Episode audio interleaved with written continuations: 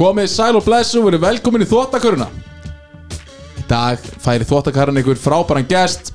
Þetta er Örfend Skorvél Beinustrið á hafnaferinum Þetta er að sjálfsög Kári Jónsson. Gjöru svo vel.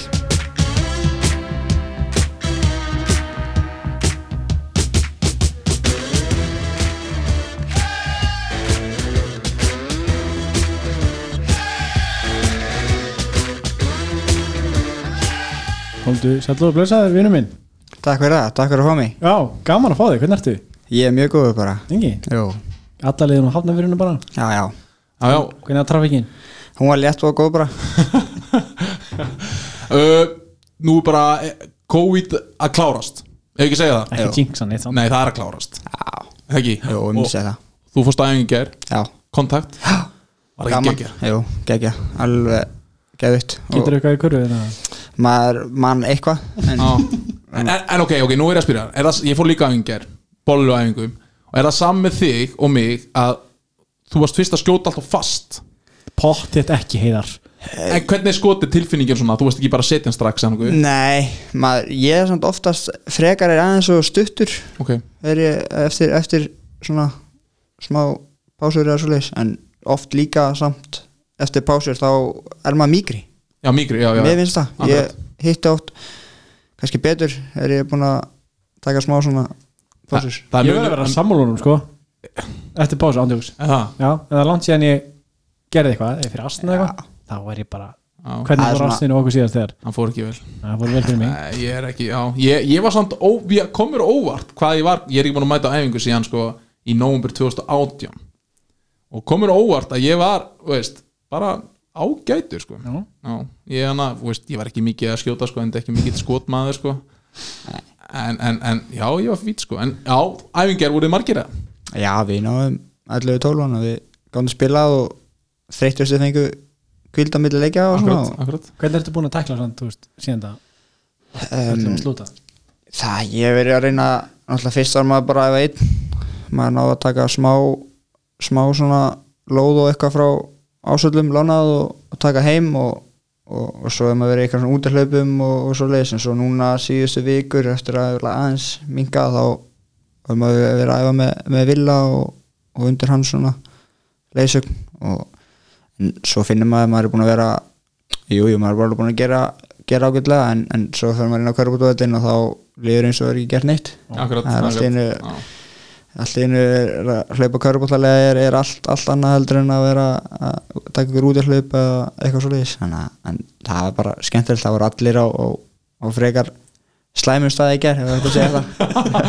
En verður fegin og ert ekki til mig að sagja fótbolta að þú verður bara að fara að spila fótbolta leik eftir þrjárvíkur algjörlega. Og það er, það er vesen sko Þeir hljóta að vera samt búin að takla þetta allt öðru í þessi fótboltamörinir Örgulega búin mikið útilum og við ja. þólinu Já, en það er samt ekkert, ekkert, ekkert skilur það er ekki að sama og veist, ef þú færi sér allt inn í kontakt og spila 11 og 11 eða slúið sko, Nei, nei, nei, nei. mikið munu sko. En samt ekki, skilur, já, ég skil hvað það meina sko. Ég held að hugafæri sé, sé svo allt öðru í Já. það er, þetta kom kannski þó sem lega að segja, þá komum þetta kannski á besta tíma fyrir okkur, Nákvæmlega. að við fara inn í off-season við höfum að ennþá allt sumarið og þannig til að komast að staði í eitthvað keppnis ástand alla fyrir okkur hérna á Íslandi en auðvitað kannski öðru sinns og fyrir Martin eða þá sem að gætu þurft að fara að spila aftur en á meðan fótboltinn er að að byrja eftir þrjár vikur og voru að fá að byrja að efa sem liði í gær Já. sem er, það er getur verið svolítið Þessi Hvernig, maður spyrja, hvernig leiði þér núna? Af því að ég rauninni allt tíðanbili fór í svona meðsla allavega og umræður um það og ég veit það persónulega en þú veist, hvernig líði þér núna eftir svona þetta breyk? Mér liði mjög vel. Jú, en það, þetta var, þetta var, þetta var ekki bara sögursækning, þú varst slæmur í skroknum eða ekki á síðust tímbili Jó, ég var allavega ekki voru ég var svolítið lengi að finna mér svona rytma og, og komast að stað og, og bara eitthvað svona rútínu, vikurútínu sem að mér leiði vel í Mm. tók mig miklu lengur tíma en ég, ég held og, og man, ég veit ekki, mér leiði eins og ég væri miklu eldri en ég væri eftir, eftir leiki og svoleiðis og, og, og þannig en, en það ég, mér leiði, mjög betur þegar leiði á og, og sérstaklega eftir árum og þá, þá var mér fara að líða betur og, og bara svona aðeins meiri svona kraftur í, skrefinu og svoleiðis en, en jú, nú eftir, eftir pásu þá, þá líði manni vel alveg getur maður búist við þér þá á næst tíma- næst tímabili, getur maður búist við þér bara 100 eða vonandi allavega ef maður, maður nýtur sumarið vel og, og æfara krafti þá ætti ég alveg að koma hundra en, má ég spyrja, er þetta, eitthvað sérstök meðsli eða er þetta álag eða var, var þetta ekki bak, nei, hvað var það? Nei, það voru hásinar já. er unni hæl svona hásina festu voru bólgur og þetta var búið að vera að sjá mig í nokkur ár. Það var ekkert eitthvað það var ekki eitthvað eitt eitthvað hluti sem gerðist bara svona á, á, á nú leitni, þetta var búið að byggjast upp og svo var álag í svona hámarki svolítið út á, út á spáni. Og þar já, verðum við í, í læknis frábæri læknishöndum og þar og með all, alltaf flottast að rauninni í, í kringum hann og, og, og þeir sögðu að það væri í rauninni best að við myndi bara sjá um þetta strax. Að, það væri ekki, ég myndi ekki láta þetta taka lengri tíma sem þetta væri að böka mig að þannig að ég myndi bara klára þetta núna og gæti þá og verið góður. Og, og ég auðvitað bara hlustaði á þá og, og tók því. En auðvitað ég fann það alveg að ég þetta var að fara að hrjá mig það mikið að ég, ég var hættur að, að geta svona recovera á milli æfinga. Það var alltaf þannig að þú veist ég fann þetta kannski smá í uppbytun og svo kannski klúttum eftir æfingar eða svo leiðis og, og þetta var bara svona eitthvað sem var ekkert eitthvað að böka maður nóg mikið en, en, en þarna var komið tími í rauninni þar sem að ég var að, með verki í rauninni bara frá æfingu að næsta æfingu og, svo, og þá var að fara að hafa svo mikið áhrif á mann. Þannig að þetta er eitthvað sem að gerist áður að ferða út eða gerist þetta úti eða þetta eru gömul meðislega hvernig, Já, þetta er í rauninni búið bara að vera í nokkur ár. Þetta gerist fyrir það eða, þú veist, það er ekki, þetta eru bólgur sem bara myndast svona við hásuna festur og, og hælbeini var búið að vaksa eitthvað út á við og eitthvað svona maður. Já, þetta var svolítið skrítið og þeir eru rauninni taka aðgerð á því að þeir taka part af hælbeininu svona smá smá svona hvað sem að kvassa svona bút úr hælbeininu og sem var að nutta svona í hásinna og valda þessu og svo að hreinsa þessa svona bólgu bletti sem var hann í kring og, og gerði hitt og þetta einhvern veginn sem að sem að þeim fannst að þurfti að gera Já. og, og það átt að og ég náttúrulega það sem versta var í rauninni að ég, ég fer í fyrsta aðgerð í november 2018 og, og það er á báðum löpum mm. þannig að ég taka, þeir vildi gera það frekar að þetta þurfti í rauninni að gera á báðum löpum og, og það átt að vera einhverju þrýr, fjóri mánuðir í, í recovery en svo gekk það vel öðrum megin en ekki hinum megin í rauninni Já, já, recoveryð og eftir veist, tíma þá fann ég að ég var orðin betri öðrum megin en, en var ekki aflega af góður auðnum megin eða svona þannig og það var svo pyrrandi að þá gat maður ekki tekið skrefin fram og við halda áfram að koma tilbaka út af út af önnu var ekki orðin og góð Akkurat. þá leiður ekki hinni að, að komast en hann hafa endað með að, að það var gert aðra aðgerð á vinstri.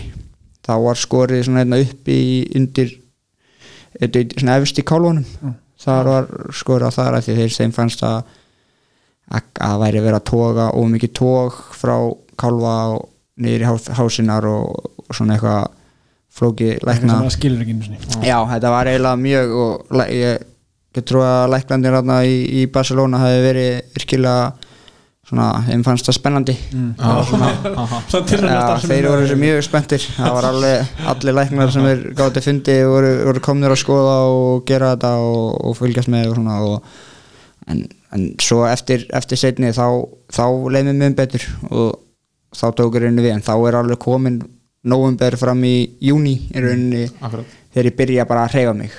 Og, og ekkert komin á körfbúrt fyrir kannski í lók júli að að gera eitthvað svona almennilega. Þar var þetta komin svo langur tími og, og, og það tók mig langt að bara miklu lengri tíma en ég ætlaði mér að komast aftur. Þú pantaðir COVID.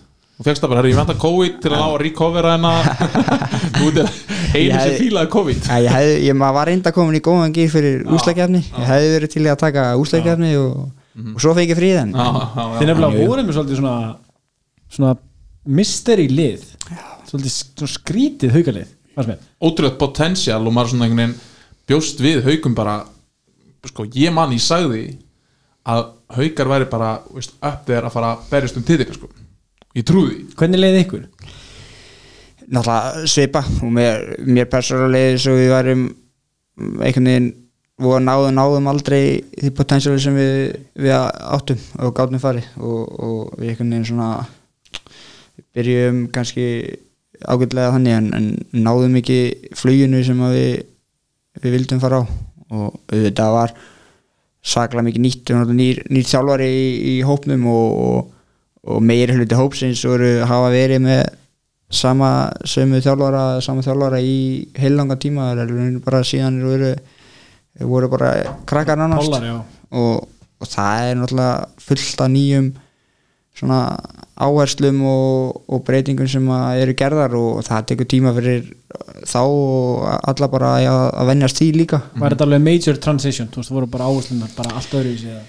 Já, allan að það voru fullt öðru í þessi áherslum og svona öðru sér sín á, á hlutinu sem að vill gera og svo leis og, og það er bara þetta er bara flott að þá, bara breykar svona þinn leikskilningur og, og svo leis og, og, og það var nöðsilegt held ég fyrir langflesta í, í hófnum sko. smá svona endur nýjun algjörlega. Já, og líka bara alvöru þjálfari og veist að hann mjög fyrir mjög gott orð af Ísæl þannig að það er, er ekki eins og sé að fá óþekkt nafn, ég fengur bara alvöru mann í jobbi sko. Já, áður en við ræðum þetta frekar ætlar að negla um ísar spurningar eða? Hraðspurningar, svona þegar við erum komin hálftíminni í þáttin já uh, Kári, þú þekkir þú konceptið hraðspurningar þetta er bara Já, tíu spurningar, þú reynsar hugan svara svona nokkurni það fyrsta sem kemur upp í hausinn. Það er þetta eru mjög vitsmunarlega spurningar alltaf. Já, þú veist Já, já svona, þú veist Það er ekki endilega kaurubólta tengt alltaf En, þú veist, já. Klár, yes, spurning 1 Hver er uppáðast NBA-leikmaðurinn fyrir og síðar? Lebron James. Hver er því síðasta kvöldmáltíðin? Nautakjöt. Hvaða lið hefur verið Íslandsmeistari í dómennstilt Karla? Haukar. Vel gert. Hver er helsti kostuðin sem leikmaður? uh, Vinströndin Hver er þinn helsti ókostur sem leikmaður? Hægri Ég hugsaði ekki út í þetta Það er easy uh, Hvað fyrir mest í uh, mm, Mhm, mhm. Já, það er- Algengt. er Algengt, já, mjög algengt svo. Herru, hvaða lið, elsk, eh, hvaða lið elskaru mest að vinna? Káar Mm -hmm. Gruna Með hvaða lið heldur ég enska? Arsenal. Arsenal ok. Annar Arsenal maður. Já, ok. Það er vitt.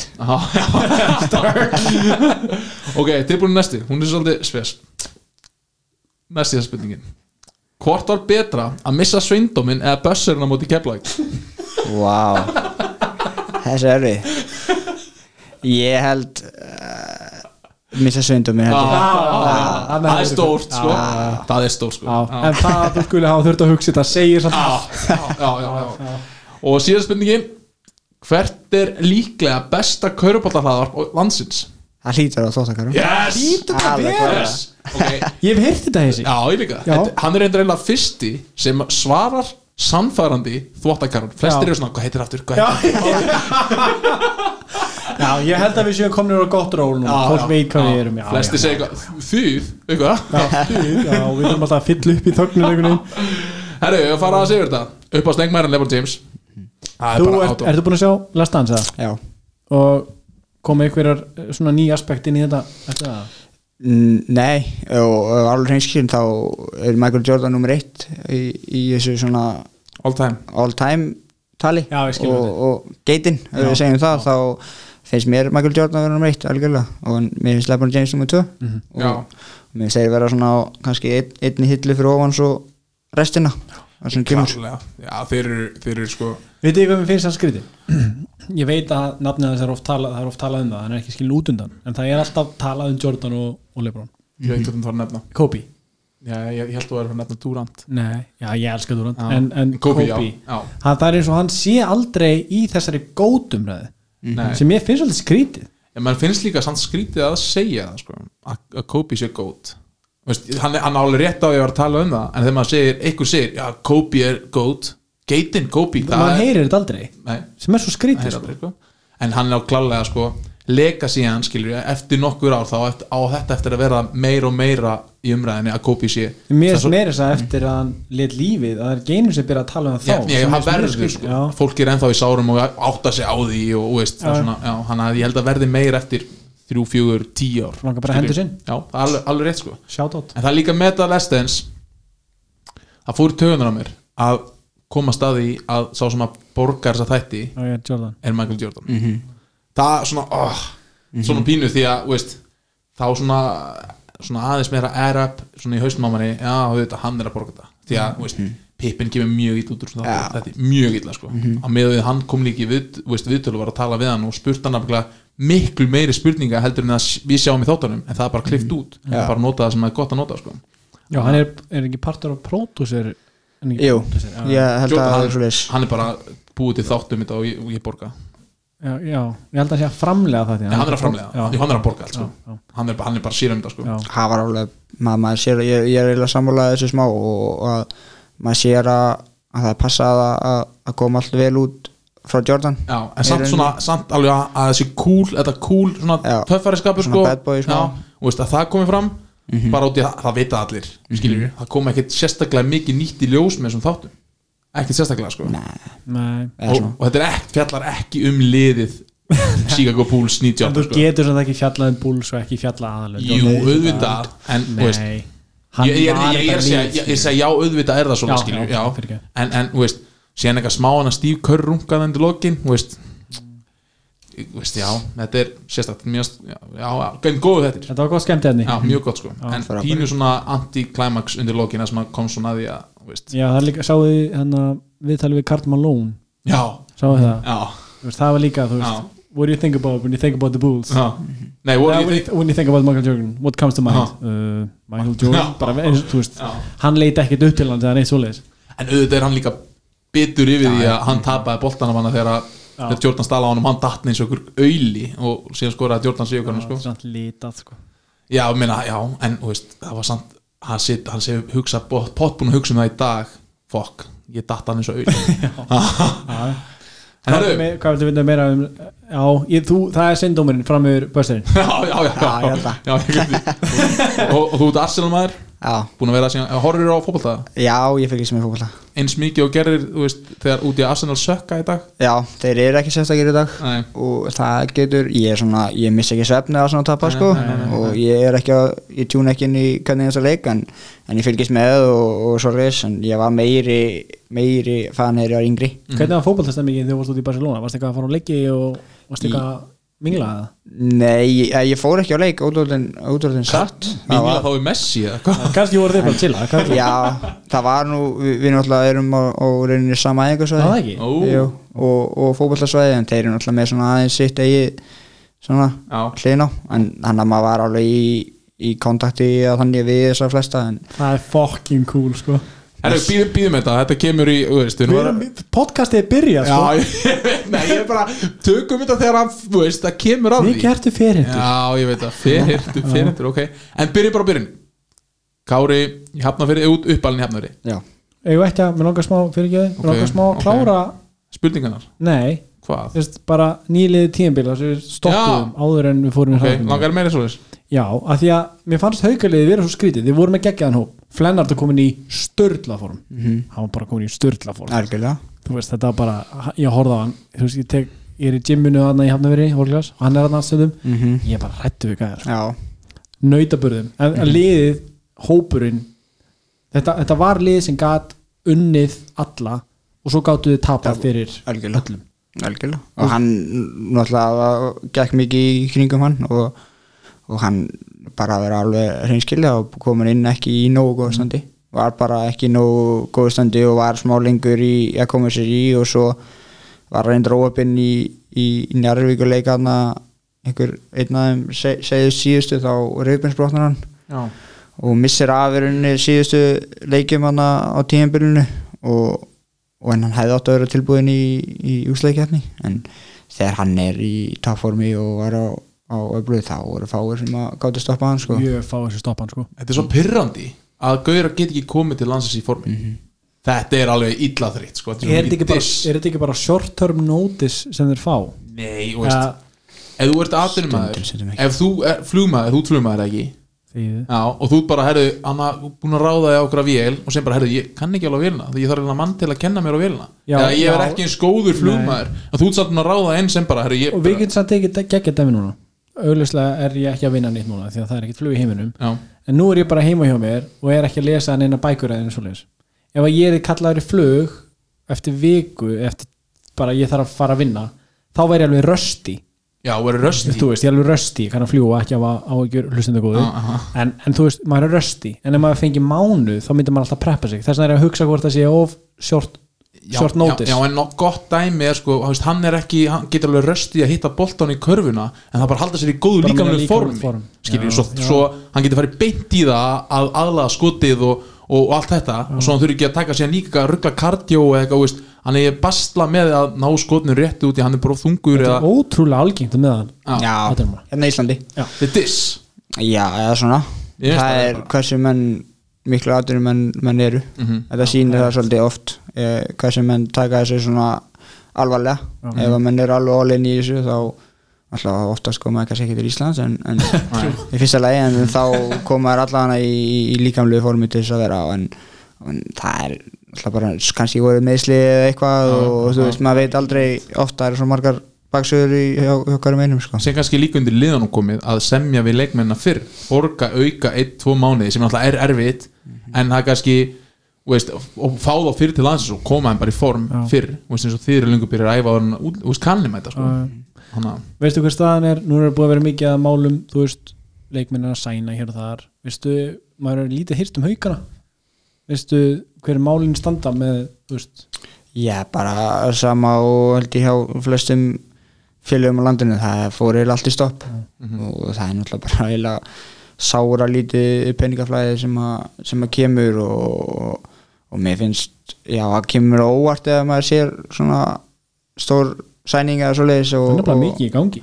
Já, meir en maður kannski bjóst við með að því maður veit liðin, ég trú ekki að liðin viti hvernig þetta verður, en auðvitað er þetta bú- búast við ykkur og vonast og, og svo leiðis og, og, og það er bara flott og vonandi gengur það hjá en, en, en já, við erum bara haukar eru eins og flest önnur og þeir eru bara inn að spila kannski inn að sína marka og að taka en auðvitað eru inni búa, búa heldur flestir sem eru voru fyrra eru svona að koma aftur og eru á samning ennþá síðan, síðan þá.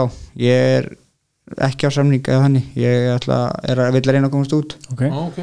og, og, en, en svo veit maður heldur ekkert hvernig Nei. markaðurinn er þar. Það er bara að býða og, og, og sjá hvað, hvað við bjóðast og svo leis og, og þannig að það verður komið ljós en, fyrir mér það áttu heima úti. Eða þú veist, þegar þú 100% þú ert að spila eins og þú áttu að vera að spila þá áttu heima úti. Já, allt og góðu fyrir stild. En síðan líka bara spurning sko, veist, hversu mikið af auka pening er til í deildunum úti sko. Þarna, þetta er alveg rough, rough business. En samt skilju, það, þú ert kannski ekki að fara fram á mikið. Nei, nei, og, og ég held að þú veist, maður er ekki að fara að hoppa eitthvað til, til útlanda og fara að við að þú færi eitthvað miklu meiri peninga heldur en, heldur en hér, sko, þegar maður er svona kannski þekkt starf hér og búin að vinna sér inn ykkur en þá, þá áttu- á maður alveg eftir að gera það í, í Evrópu og, og hann að maður þar er unni það ég held að þú þurfi alltaf að taka eitt skrif aftur á baki í því til þess að komast tvö skrif áfram, já, sko, það og, sannaði kannski. Já, algjörlega. Já. og, og starra fá- svið. Já, algjörlega. Og, ertu búin að heyra eitthvað? ekki mikið, mikið sko. Það er alltaf kannski ykkur svona og, og maður vonar og, og þannig og maður, maður er í, í sambandi og, og, og þannig en það er bara, það er eins sama og hérna félögin vita svo lítið. Það er, minna, bara núna í, í á síðustöðum hefur verið að cancela einhverjum deildum og svo leiðis þannig að sumliðin eru, þeir bara halda svo lífi Já. og, og að þetta kemur bara í ljós. Ertu með, er, ertu með umbóðsmann eða? já, Ná, ok, og hann er bara vantalega í þessu fyrir já. já, hann bara grúskar í þessu og Mhm. það er næs. Já, það er, já, já, það er mikilvægt. Það er ekki að standa í þessu sjálfur sko. en núna er ég tilbúin til að færa fyrirlingar Aha, fyrir ekki Þetta var góðu punktar vel gert og tókst fyrir hendunum vel Herru, hafningur húðahár, Jep. byrja að spila körfu hvenar? alltaf lítill. Já, Já, kannski, ég maður bara ekki eins og þegar maður gætt byrja, já, bara á fimm, mínum fimm ára eða eitthvað, Já. bara alveg í gummi, gummi og Siri fórölda Jónaksas og, og Yngva þau þau byrjuðu voru fyrstu þjálfurarnir okkar. Við vorum við vorum saman hann að algjöru pólar og við eigum ykkur svona spólur á okkur síðan. Ok, við vorum? Þú og Jón, og Yngvi Já, veitu, Yngvi er hvað, hvað er hann? hann er 90 átta. Einu ári yngri en ég og Jón er einu ári eldri. Já, já, já. Já, þrýr ágættir í körfbólta voru þið strax, og veist, það vantilega að hjálpa til að þú veist, þið voru strax góður ekki?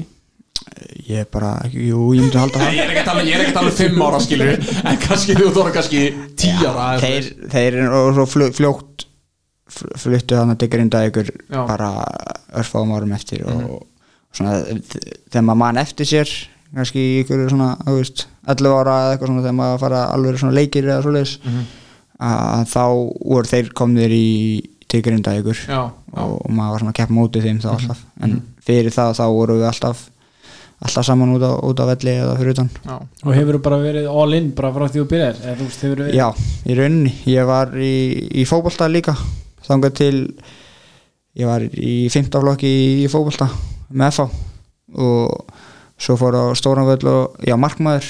Ég var ekki nógu góð til þess að vera úti. Það var sett mig í markið en ég var ágætið þar, ég gæti verið fyrir.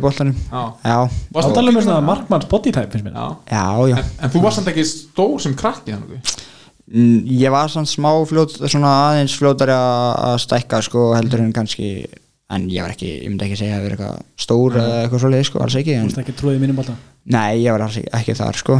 Þú alveg 1.91 Nei, ekki. Já, ég er svona er 1.90 Já. og, og en, já, ég er í, fótbolti upp á 15 flokki í, í marki í, í FH og allir mínir svona vinir nú í dags eru, voru raunin þaðan og þess vegna var ég hend, endist í fótbolta. En Já. svo fóru á stóran völl að stóra mörg og það var erfara markmaður. Þá fór ég bara í körfu. Í rauninni. Varst aldrei í íþróttinni sem ég skil ekki en að handbólta Nei, ég fekk ekki að fara að segja. Við erum 12 ásinn sko, það er engin handbólti Don't þar? ég bara skil ekki handbólta sko. Þetta er bara bara með fullri vinningu þá er þetta bjánalegasta íþrótt sem ég veit um. Hún er svo ófullkomin. Það veit engin neitt hvað er í gangi. Það er enga reglur. Dómarandi bara setja upp hendunar eða þeir vilja setja upp hendunar Já. þú veist það er engin klukka. Þetta er bara svona hvernig skapi þeir eru í. Þú veist er skref ég veit það ekki, þeir veit það ekki heldur. Við skulum ekki uh, rusl út handbólta Nei. við, við, þetta er fín íþrótt já, Já, já, ok, já, já. og við erum, við erum með frábæri handbólta og, og, og það er sagan þar að handbóltin stendur stendur sér alltaf frábæra vel og kreiti skilið þar fyrir þeirra vinnu. En hvernig, voru haugarnir sterkir þegar þú varst yngri, hvernig voru yngri, flokka árin þín, þú veist, varstu í úlingarlandsliðum, varstu í yngrilandsliðum hvernig var þetta? Já, ég í rauninni ég er upp öll yngir hanslið og, og en í haugum er, er, er minn minn árgangu var ekki sérstakur en ég er með einu ári eldri bara alltaf og ég er í 96 árgangum er það breki á þeir? Nei, Breki er, er á mínum aldri en hann er náttúrulega bliki í rauninni já. Ah, okay. en það er Hjálmar og, og, og Kristján Leifur og, og, og þar og við erum mjög góðir í 96 í rauninni og við vinnum alveg fullt af, af Íslandsmyndara og byggarmyndara tillum þar upp í yngri flokka. Alveg, alveg helling og, og hann að það var í rauninni, í rauninni var það svona minn flokkur. En en þannig að þar voru fullt af tillum og, og rolig sk- skemmtilegt Bli, nei, blíkanir, haugarnir voru alltaf sterkir fannst mér. öll minnibóltalið hauga er alltaf góð. Já. það er magna Já, það er reyndar svona ef maður fylgist eins og ég svona mikið með, með því og svo leys að, að koma svona eins og hjá öllum er rauninni koma svona ár sem að eru nú kannski gött nokkur ár sem að- árgangar sem að árgangar sem að smá dala eins og veist, við erum frábær hérna 96 og, og fyrir það er eiginlega 91 og 2 sem er Emil og Haugur og, og þeir Já, já. svo er það alltaf, þú veist, við erum 96 og við erum að spila þegar við erum í drengja ólingaflokki kannski að vinna eitthvað svona þá erum við alltaf með einu og tveim árum eldri líka. Já, já. það er svona, þetta rennir auðvitað alltaf alveg saman en, en það er alveg, jú, við haugarnir erum alltaf stórklubur og svoleiðis, þannig að það er alveg skiljanlegt kannski að við séum með fín yngri flokka Akkurat, akkurat. þú og börst ekki fram á sjónarsvið var ekki 2013 hvað, þá varstu 16 ára? Það er ekki svona fyrsta sem þú kemur inn í úrvars í mestralógin meistaraflokk, já, 2013 er, er mitt fyrsta tímabil. Og hvernig, var, fannst þér að vera klár? varstu bara klár þá? ég veit, vissi ekki neitt. Nei. og auðvitað var maður kannski held, held maður að vera alveg bestur í heimi sko, og, og allt það og það kannski hjálpaði manni. En, en maður var auðvitað ekki tilbúin í einhvern mistarfólksbolta eitthvað og- líkamlega að, já, líkamlega og bara líka leikskilning það er bara svo allt annað. En, en maður var fljótur að, að pikka upp og, og þannig og auðvitað Ívar var, var þjálfari þarna og hann þjálfaði mig upp flesti yngri flokka og hann vissi alveg hvað ég gatt og, og vissi alveg svona að var, var alltaf með rauninni frá honum. Þannig að það auðveldaði mig mikið að, byrja þú veist, að koma inn og, og, og maður þurfti þá ekki að vera með eitthvað svona sakalega áhyggjur og öllu þannig að maður bara reynd sitt besta og ég held að fólk sé ekki alveg átt að sjá því hvað hann er Kári vinnur okkar er ungur. Já, og það er 97 ekki rétt? Mhm. það er alltaf fáralegt en, eins og, en hversu mikið hjálpa er að, að vinna allas að titla mingaflokkum þegar þú komst upp í mistarlokk veist, er það alveg krúsjál eða? já, mér finnst það.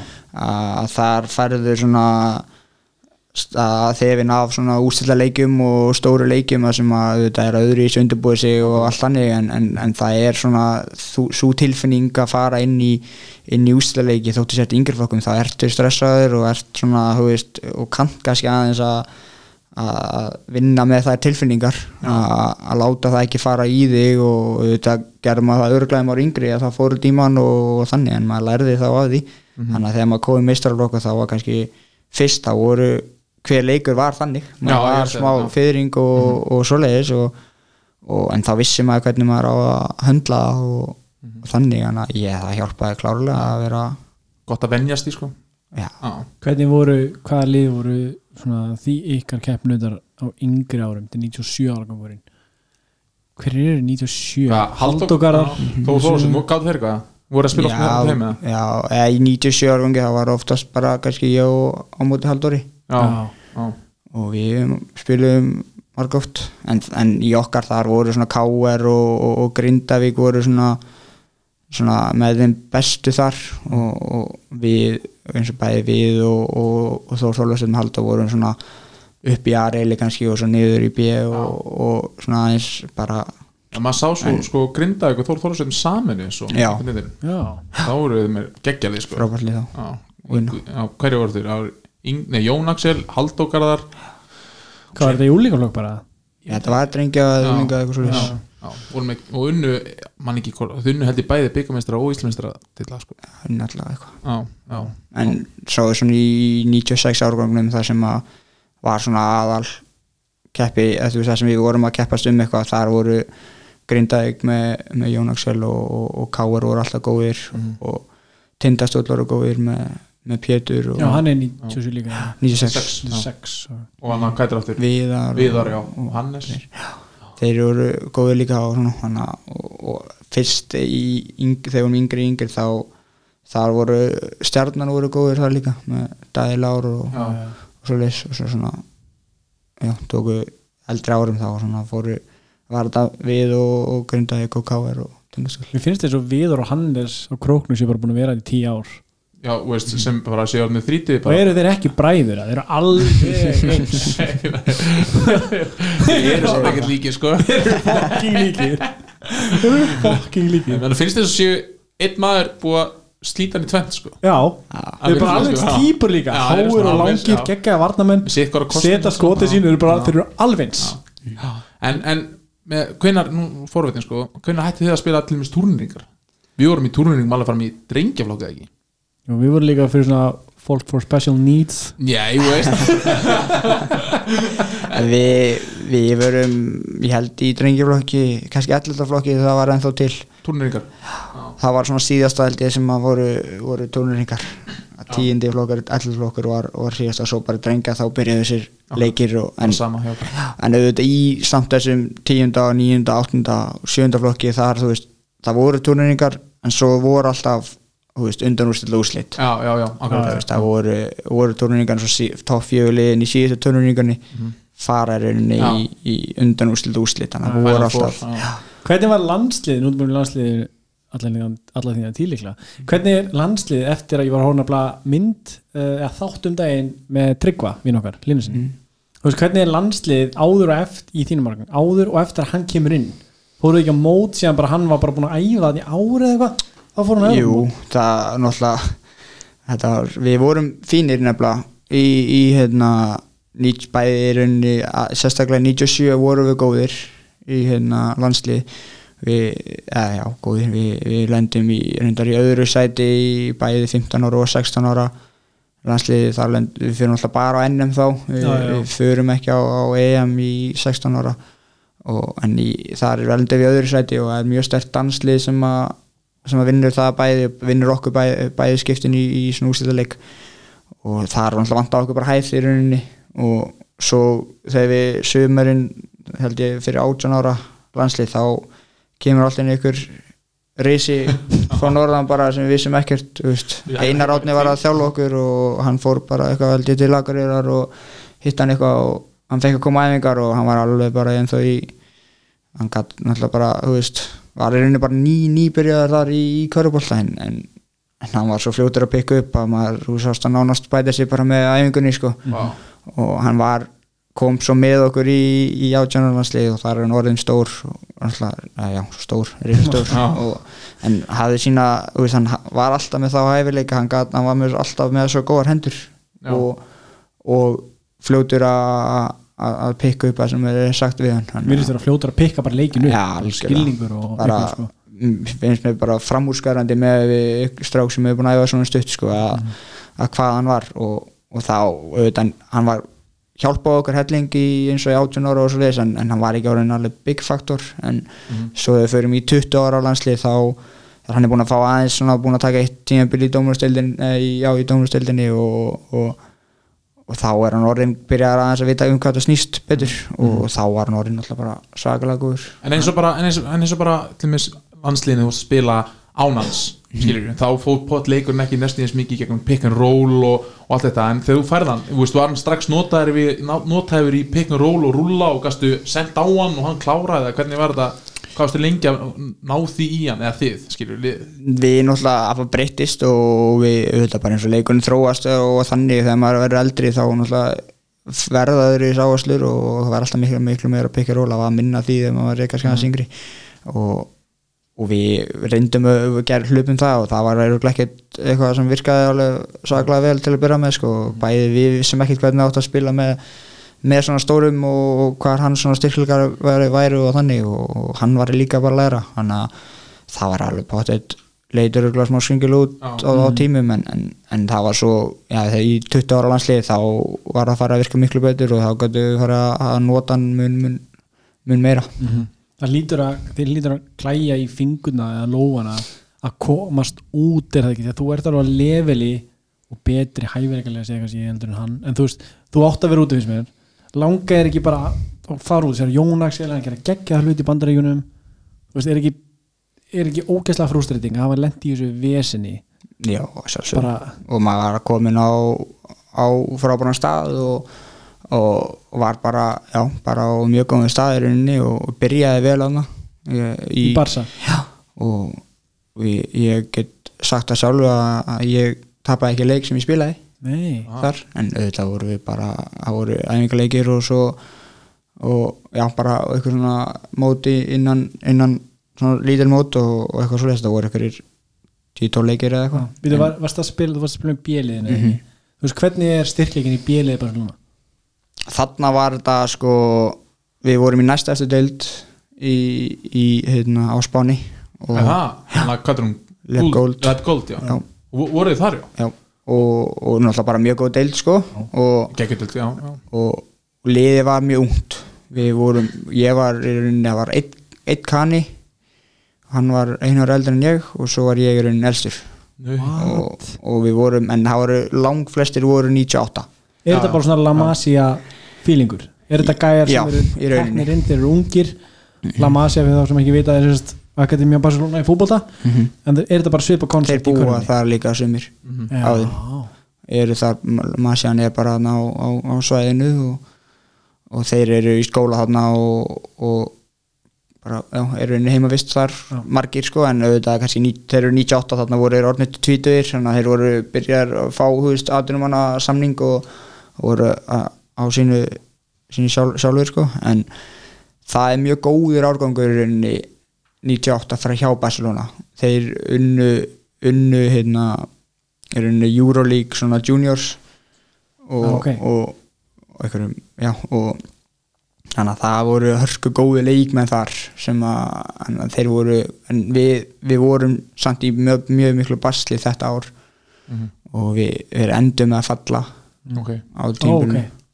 En þetta var ekki deildarleiki sem þú spilaðir? Nei, Nei, þetta var bara eitthvað svona ég náði tveimur deildaleikjum Og spilaðir það? Já, Og fannstu alveg, þú veist, nú, núna verður þú bara að segja eins og er, skilur, ekki vera hófær, fannstu alveg að þú varst mjög góður fannstu bara að ég á heima hérna, sko? Já átti heima þarna algjörlega en, en ég var ekki afgerandi. Nei, nei, nei, og það er ekki, það er engin afgerandi eiginlega á þessum bolta. Það var það sem maður þurfti að læra líka Mhm. að, að þetta eru bara þarna eru þú veist þú verður að, maður lærir helling sko, og það var enginn sem var að spila kannski þú veist, 30 pluss mínútur og, og var, mátti gera hvað sem maður vildi.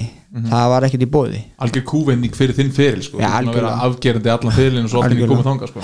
Kem þanga og þar var allt í einu bara virkilega að- vinna fyrir öllu og og, og það var bara mjög gott og, og, og þannig að maður var kannski í- við vorum kannski, þú veist, og annar, annar bakur voru kannski bara 20 mínútur þú veist, að, að splitta tímanum og, bara jafn góður kannski? Já, já, Já, bara alveg, alveg jafn góðir og, og maður þurfti, þú veist, að virkilega gefa allt sem maður átti þá í þessa mínútur sem maður var, sko og, og sem var líka gott. Já, já. Klárlega. Og aðeins meira öðruvís að klúra skoti þarna heldur en fyrir hauka, skilur Þú bara, Já, Já, en það, það var svo er það líka, þú veist, eins og sjá um að það er ekkit, þú veist það verður engin brjálaður ef þú- klúrar skoti, þú veist, þarna. Það, það var frekar, sko, ef þú klúrar einhverju róteringu ef þú klúrar einhverju einhverju kerfi eða latur að spila vörn já, eitthvað svona svona hlutir sem að eru e, sem þú þarftur inni bara að nota hausin og vera með einbendingu í ef það klikkar þá er allt brjálað Mhm. en, en ef þú klikkar úr svona tæknilegum eins og skotum eða eitthvað þannig þá þú, það slætar er alveg sko, Akkurat, akkurat. á þessu Já. Hvernig fannst þér að koma út að fara út í því að Barcelona er líklega eitt stærsta körubóllalið Evrópu, þú veist þess aðliðið hvernig var að fara inn í þessar kring, kringumstæður? Veist þjálfarar, þjálfarar teimi allt þetta, allt, allir sem stóða að þessu. Var þetta öðru sem þú bjóst við, var þetta meira þú bjóst við? Það var, já ég veit að það var öðru í sem ég bjóst við og, og ég, það var bara þeir voru í rauninni þetta var verið að búa til Akkurat.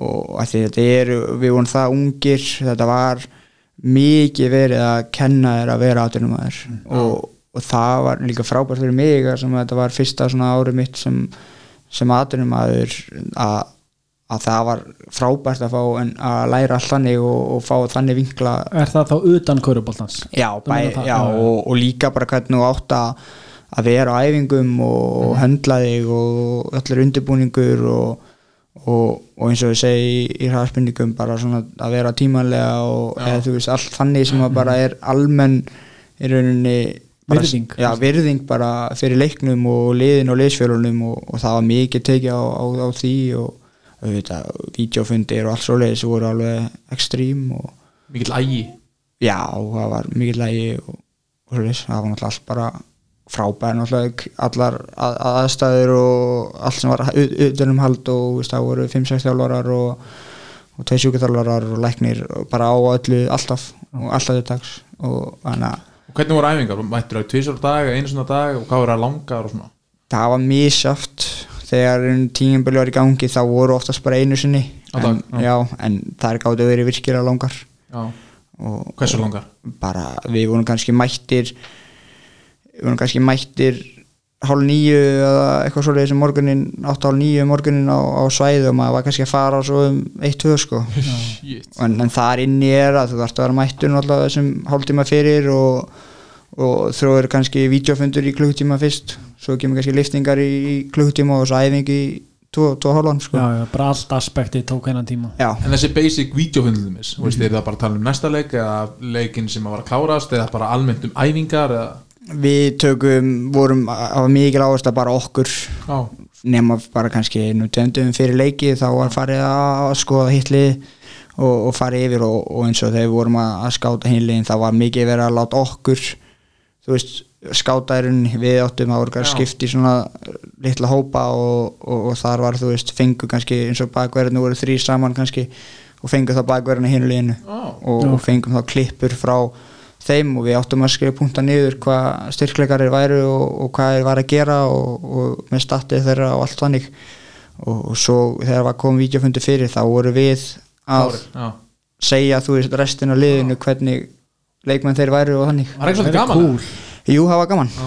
mjög sko og, og að þá laði maður náttúrulega líka meiri vinni það sjálfur og þú varst að, að þið voru að skoða þetta þú veist, og það var ekki bara eitthvað maður gat, geta ekki verið kannski bara eitthvað svona slæta, og- þú varst- að- var, varst að vera er með símónum með að leggja þig og fundi með svona, já. já, það var náttúrulega ekki, þú veist að Var sko. hugsað um Barca BSM þú veist, svona eins og G-League team hjá liðanum í NBA, þú veist, var þetta, voru þeir að rekrúta og hækka upp í alið Mhm. eða þú stóðstu vel eða hvernig var transitionið þannig að það er, það er hugsunin hjá þeim og að, að, að þetta eru leikmenn sem að sem eru þá tilbúni til þess að hægt að taka upp í að, aðliðið eða þá að, að selja eða þú veist eitthvað svo leis og það er alveg eins ári áður en ég kom þá er leikmaður Rótan Kúrúks sem að, sem að fer í NBA til, til Brooklyn Nets. Nafn, já.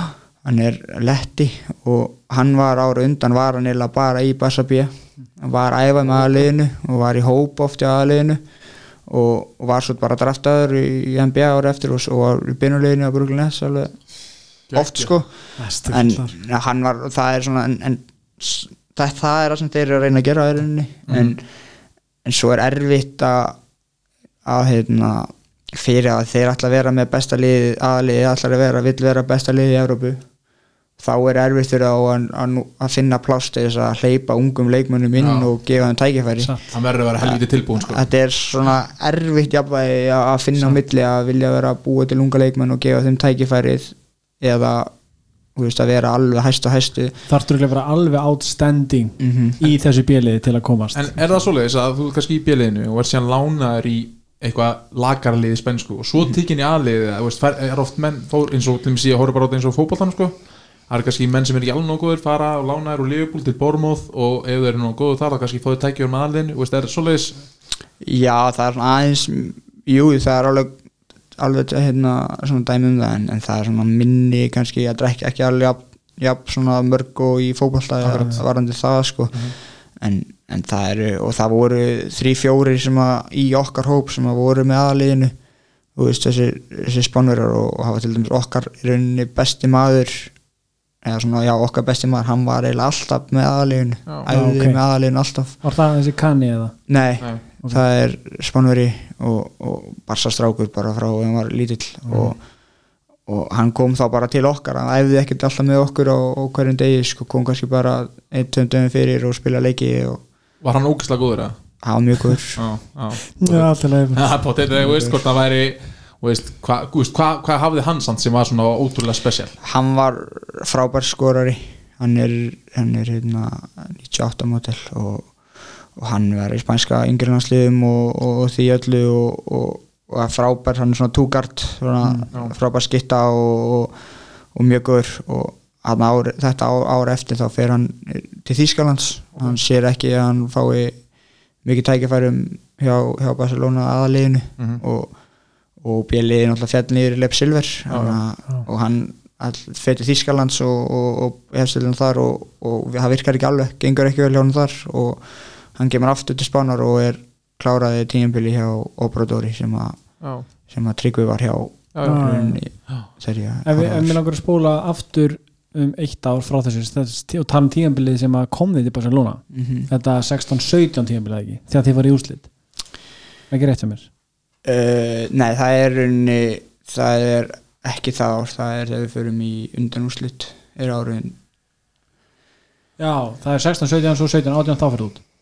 Já, það er sko 18-19 er, er Barcelona árið já, akkurat, og, já, og 17-18 er, Já. er þá fyrir við undanúslit Já. og tökum KR já, já, já, og, og, og það er hérna keflaðið ykkur seríana líka Já, og já. árið undan því þá var ég í bandaríkunum Drexel. Já, alveg rétt, já. það er, hvernig var og það? árið undan því þar er fyrir úslit alveg rétt. Hvað hvað ætlu að tala um þér? það er svo margt að tala um það Byrjum bara á, bara á úslita tíðanbilið, Já. takk þetta tímaröð. Ok, já, já, já. hvernig var það tíðanbilið, þegar fóru í úslit Það var Þú frábært veist, já, þú veist, hvað höfðu þið þá sem að Ég veit það ekki, þá bara einhvern veginn náðu við liða að klikka saklega vel saman og, og við vorum með Paul Jones hana, mm Já, nei, ég meina við vorum með þau fyrir úsla, við vorum með Brandon Mobley sem var smá vandræði gemsi já, já. Alveg rétt já. Kannski var það gott. Já, hann Já. var nefnilega hann, var, hann hendaði okkur mjög vel í rauninni, hann, hann var svona við náðum miklu út úr honum og, og já, við fórum í úslit þar, það var náttúrulega bara virkilega skemmtilegt tímabil og, og, og svona þá voru við allir þetta var svona fyrstu í rauninni svona djúft í úsleikefni hjá flestum í liðin nema finnur það með okkur hann náttúrulega hafði farið Já. fara þarna og hann var eiginlega rauninni eini sem var svona með alveg reynsla á þessu. Og það var svona þefur en svo já, það var virkilega gaman bara. Já, þú fórst, hvert fórst aftur í skóla? Drexel, Philadelphia í Fíladelfi fylgji, hvernig leiðir þar? Bara ágætlega sko. Já. það var alveg og, og, og spilaði fullt og, og, og þannig en, en ég svona bara var ekki alveg að tengja við í klára eitt ár þar og, og fer svo eftir, eftir það. Og ég var bara ekki alveg að, að tengja við svona bæði skólan og, og köruboltan þetta var svona svolítið kassalagað og, og, og maður svona inn á körubolta var, var svolítið svona bara kassi sem maður þurfti að vera inn í og, og og spila inn í, ég var ekki alveg svona viss hvað mér langaði að læra og svo leiðis, þannig að ég var mikið leiða svona í skóla og þannig. Og en ég ákvað bara, mér fannst ég ekki, ekki kannski taka nógu mikið svona skreiðin fram á við að svo leiðis, þannig að ég, ég ákvað að fara, að fara heim en, og en svona eftir á heldur þú að lært hellingaði að vera hana og veist úti að vera í þessu kassalega umhverju og svona sko? Já, algjörlega, jú, heldur það við preppaði fyrir síðan þegar þú fórst einn út til Barsa já. bóttið, alveg að helling og það læri maður, það er náttúrulega líka frábær, þú veist, allt snýst um umgjörð eða þar. Í bandaríkjunum? Já, í svona skólum, það fer allir peningurinn í, í, í aðstæðu, þú veist, klefa og, og salina og, og við fáum frá bara, þú veist, íbúð og allt þannig, skilur er, þeir náttúrulega ekkert til leikmannuna og, og hann að það var virkilega flott og þar var náttúrulega ægin var náttúrulega mestur þar. Að það var, þú veist, það mátti ekkert, þú veist vera neitt var það bara, var það bara. Carter discipline eða? Já, nánast, það var náttúrulega máttur ekki koma, þú veist, mínúta sent í, í tíma eða neitt, sko, og, og svo leis og, og, en það kendi mann alveg að vera, þú veist að vera og þetta er það bara virðing líka að geta gert það, þú veist þegar maður er að fá svo mikið í svona, hend, veist, tilbaka fyrir að vera í svona, veist, þessu prógrami að, að það er minnst sem getur gert er allan að, að sína að virðing að geta verið á þessum tímum og svo leis og, og, og ekki bara það, líka bara að vera svona virðilegur og, og allt hannig og, og, en það pottet pre, líka preppaði mann svona vel fyrir að, að fara eitthvað annað. Mhm. kendiði pott að vera maður svona, svona ár eins og líka kenniði svolítið að hætta að vera strákur í að vera maður. ásamt, öllum ásamt ofgera finnst mér. Já, ég meina, þú veist, ég er bara þannig, þú veist, maður nennir ekki virðing er eitt og að sína öllu virðingu eitt en en ég held samt sko með svona á þess að þekkja það sjálfur að þetta er ógeðslega leðilegt og erfitt þegar það er en svo þegar líður á þá hugsaður að þetta var helviti gott fyrir mig. Já, sérstu sann okkur er eftir alveg, að koma heim sammála að því sko að maður er náttúrulega að töða um þetta og allt annað skilju þegar maður var í þessu og, og, og var fullt um að þurft að gera sem var alveg leðilegt og, og pyrrandi og eitthvað svona sko en, en, en svo fattar maður nokkur svona eins og veist, þegar ég, mér finnst ég bara þegar ég er á spáni þá fattar ég svona hvað þetta var alveg gott fyrir mann líka. Svona ástæðina fyrir sig, sko. já. en tímabilið þá eftir það þegar þú kemur heim aftur til hauka það er svona þitt besta? Já, þá, jú, ég náttúrulega átti líka mjög gott tímabil fyrir Drexel og, en, en jú, það er svona það besta, þá urðu við deildamistarar já. og, og fórum undan úr slitt þá varstu þú svona undirstreikaðir að þú værir besti ístendingur í deildin á þeim tíma. Var, var það ekki alveg klárt? Já. en var svona einhver munur á kára þú veist, fyrir bandaríkjum eftir bandaríkjum sem þú tókst eftir? Já, algjörlega. Og þetta maður, maður þroskaðist bara helling sko og, og maður lærir svona körubólta meira. Maður, hvað þarf að gera í liði og svo leiðis og þetta varnarlega bættist helling og, og svona ákvarðanatökur og þannig þú veist maður, hvernig maður þarf aðeins að slaka og hvernig maður þarf að róa og, og allt þannig þú veist. Það bættist helling sko og maður fann, fann það að væri mikið sem að svona var öðru í sig frá hinn tímbilinu En einhvern tíma svona á ferlinum bara svona almennt, er einhvern tíma svona mannst eftir að þú svona þróast í að vera eitthvað svona, veist, óstöðandi ekki ekki óstöðandi skilur, en bara svona wow, er erfitt að stoppa þetta hjá mér ég er búin að ná þessu fullkomlega, þú veist, er það eitthvað svona moment sem þú mannst eftir? Já, það eru nokkru leikir hérna í, í, á þessu tíumbili sem að sem maður fann alveg svona, þú veist að, að maður var alveg með mjög góð tök á því sem maður var að gera og Þú, maður, var alveg, maður var að horfa á því í sjónu og ég man bara, maður var, maður var bara með hendunar á haustum bara, hvað er gæn að gera? Já, já, þú varst alveg langt fyrir ofan þú veist, já. your peers Það á er Íslandi. geðugt að finna það ekki að finna það sjálfur, rosalegt svona bara boost. Já, já, og það gefur manni svona auki sjálfstöðust og svo leiðis og, og, og það hjálpaði líka náttúrulega ég vissi alveg í hvað aðstæður ég var að fara þarna. Þú veist að ég kom í hauka ég kom í hauka eftir í rauninni tvo leiki. Það voru tvei leiki búnir Já, á, á, á alright. tímabilinu og, og það hjálpaði klálega en, en auðvitað þú veist við vorum ekki með besta, þú veist, við vorum ekki besta liðið þarna. Nei. en þótt að við stóðum okkur mjög vel í deltakefninni og, og við náðum ekki alveg að að fara yfir, yfir svona hempið í, í úsleikefni þannig. En Mhm. það þurfti ekki mikið til til þess að að við hefum getað kannski gert meira sko. akkurat, akkurat. Hvernig, við verðum að ræðina bössir aðeins Já, sjálfsög þú veist, hvernig, hvað, þú veist, maður er búin að sjá þessa klippi núna cirka 5 miljónsinnum Mhm. ég var akkurat í Simma úti, eða þess flughermi en ég mista af þessu live. Þú sagði þetta bara eins og við vissum nákvæmlega hvað flug. og ég, ég var að horfa á þetta live stat og hérna þá voru þið tveimur undir og það var bara, tími var þreimur undir já, þið jöfnuðu þetta. Já, Nei, þetta við- vann ekki leikin Jú, þetta vann leikin, já. Þreymur undir og þeir eru eitthvað 6 sekundur ég fæ, ég fæ þrjú víti. Alveg rétt, þeir eru alveg rétt, þeir eru þreimur undir og það voru bara, já, einhverja sekundur eftir ég bara, ok, þetta er búið. Svo bara leiti ég aftur á og þá, þá voru bara búin að vinna. Og ég bara, ég öskraði, ég var í taxa með öðrum flugstjóra, ég öskraði ég bara, ha, hvað gerðist? Og, þetta- og hvernig var, hvernig var það? Nefnir að lesa okkur í gegnum tala okkur í gegnum þetta moment. E, Já, þetta var náttúrulega fárálegt í rauninni. En það byrjaði náttúrulega að ég fæ þrjú skot þegar eru eitthvað 6 eh, minna, 5, 3 sekundur eftir eða eitthvað. Og ég kom í vonlösa stöðu út í hotni eitthvað og, og er heila bara fæ, fæ þrjú skot þar og, og það voru náttúrulega virkilega erfið skot. Mhm.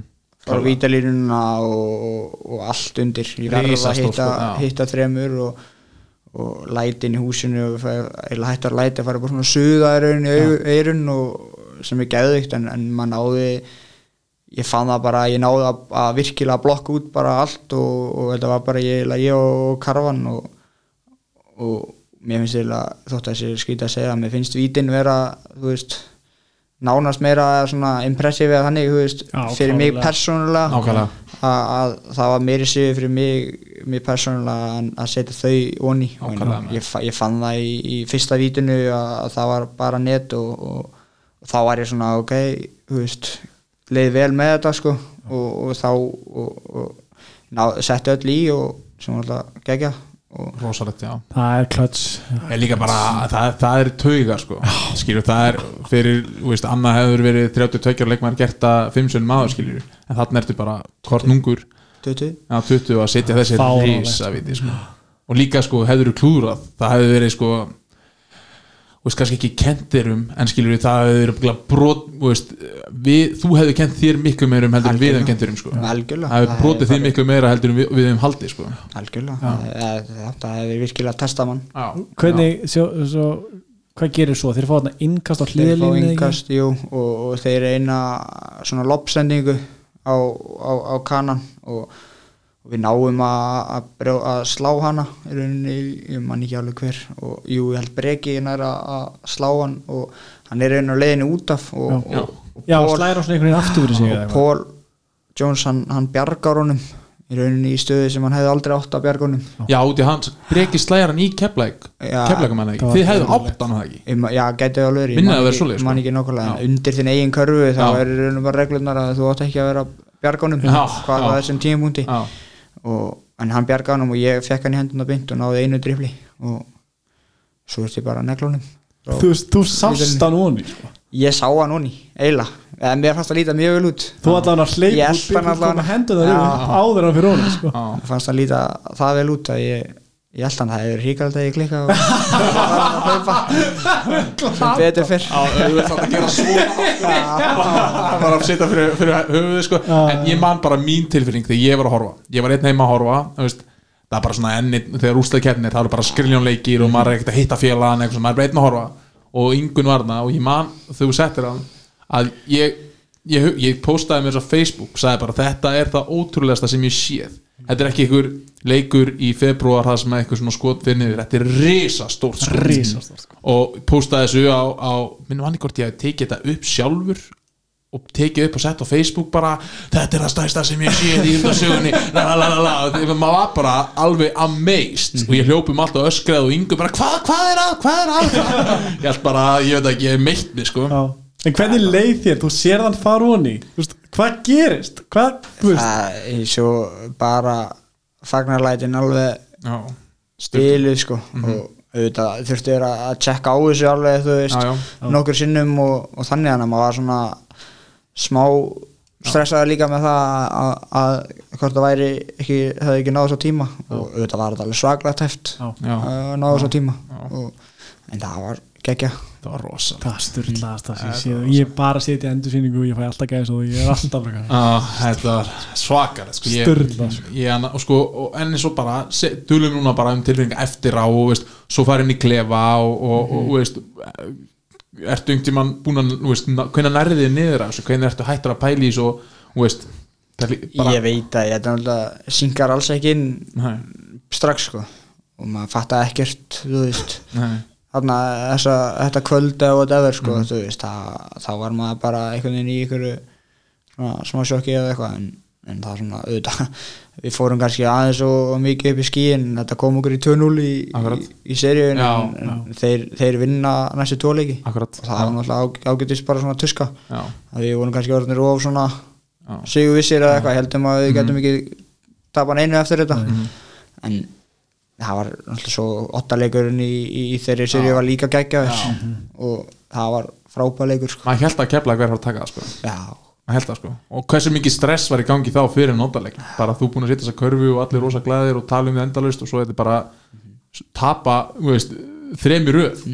Það hefur verið hryggulegt rosalegt. Og þeir komist í einhverjum held ég 12-13 stöðum yfir eða eitthvað í, í þriðja leikluta í, í jótaleiknum akkurat og náttúrulega ekki erfitt að fylla ásöldi en, en Mhm. þeir voru svona nálægt í að vera fullir það var alveg bílu stemming og, og stuð og þannig að það var geðvikt að við, við gáttum klárað það þar. Frábært propsand á kepla að koma tilbaka og vinna tvo Já, eftir já. að tapa öðrum leik svona. Myndi maður ekki bara fuck this. Já, annarkvort er að því að segja bara, herðu, þú veist, Já, veist við áttum ekki skila að tapa svona Nei, skilur, við. Áttum skila að vinna hann leik og þetta skot var bara flúk, skilur, það er það. Þú veist, þú ert ekkert búin að æfa þetta skot.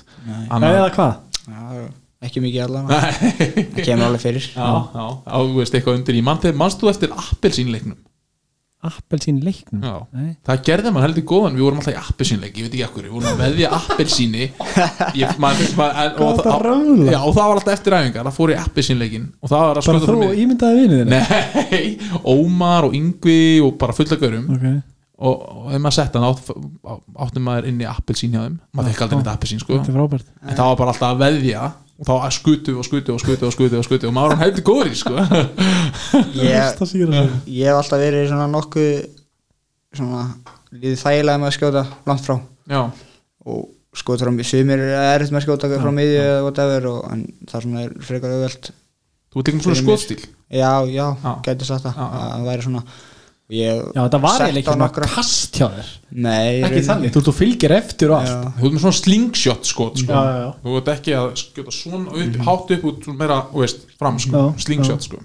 Mjög flott skot bæði við Já, þú veist, já, það er, það er gott að hafa það skotið og þá getur þú skotið miklu þú veist, úrjafvægi og, og svona sko. Maður er að spyrja þig núna ef við tölum bara uh, koma þessi í nútíðina aftur, þú veist, hvernig sérðu næsta sísón, þú veist, með allt sem búið að vera að gerast. Darri búin að taka káir þú veist, hvernig líst þér á þetta? Nú, nú getur þú kannski bara virkilega spennandi að sjá. Maður veit ekki neitt um, um hvernig þetta verður það var alltaf að komi hátt level á deildinni í fyrra. Örgulega með besta besta sem að deildin hefur verið bara í mjög, mjög langa tíma.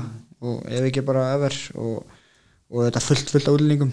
Og ég trú ekki öðru en að minka eitthvað Myndið þú vilja sjá deildin að halda þessu áfram með Bosman auðvitað ekki og sér hvernig hauka voru síðustímli voru bara með tvo útlendinga og ætluðu að spila á sínum kjarna. Já, Já, mér, mér finnst sko þetta er ómikið fyrir okkur. Af því ég myndi vilja kannski hafa eitt, eitt kann og eitt bóstmann eða eitthvað svo og þeir eru að vera með kannski þrjá íslendinga inn á eða eitthvað. Og þú getur, að- við getum alltaf farið ykkur leiðir til þess að setja svona reglur, það er ykkur reglur og ykkur svona í öllum dildum í, í heiminum nánast. Homegrown reglur og það, Já, sko. eitthvað svo leiðis og, og að því, að því það, ekki það að það myndi gera gott fyrir hauka sko, þú veist, ekki bara það en, en Bara hugsa um íslenska leikmenn já, bara íslenska leikmenn þú veist, í ár voru eiginlega engin undir 20 ára eða 20 ára sem voru að fá eitthvað eitthvað breyk og auðvitað er það líka þannig að þú ert nógu góður þá, þá færðu þín tækifæri en, en, en það var samt ekki neitt en uh, sama þegar ég er, er að koma upp þú veist, 16 ára Mhm.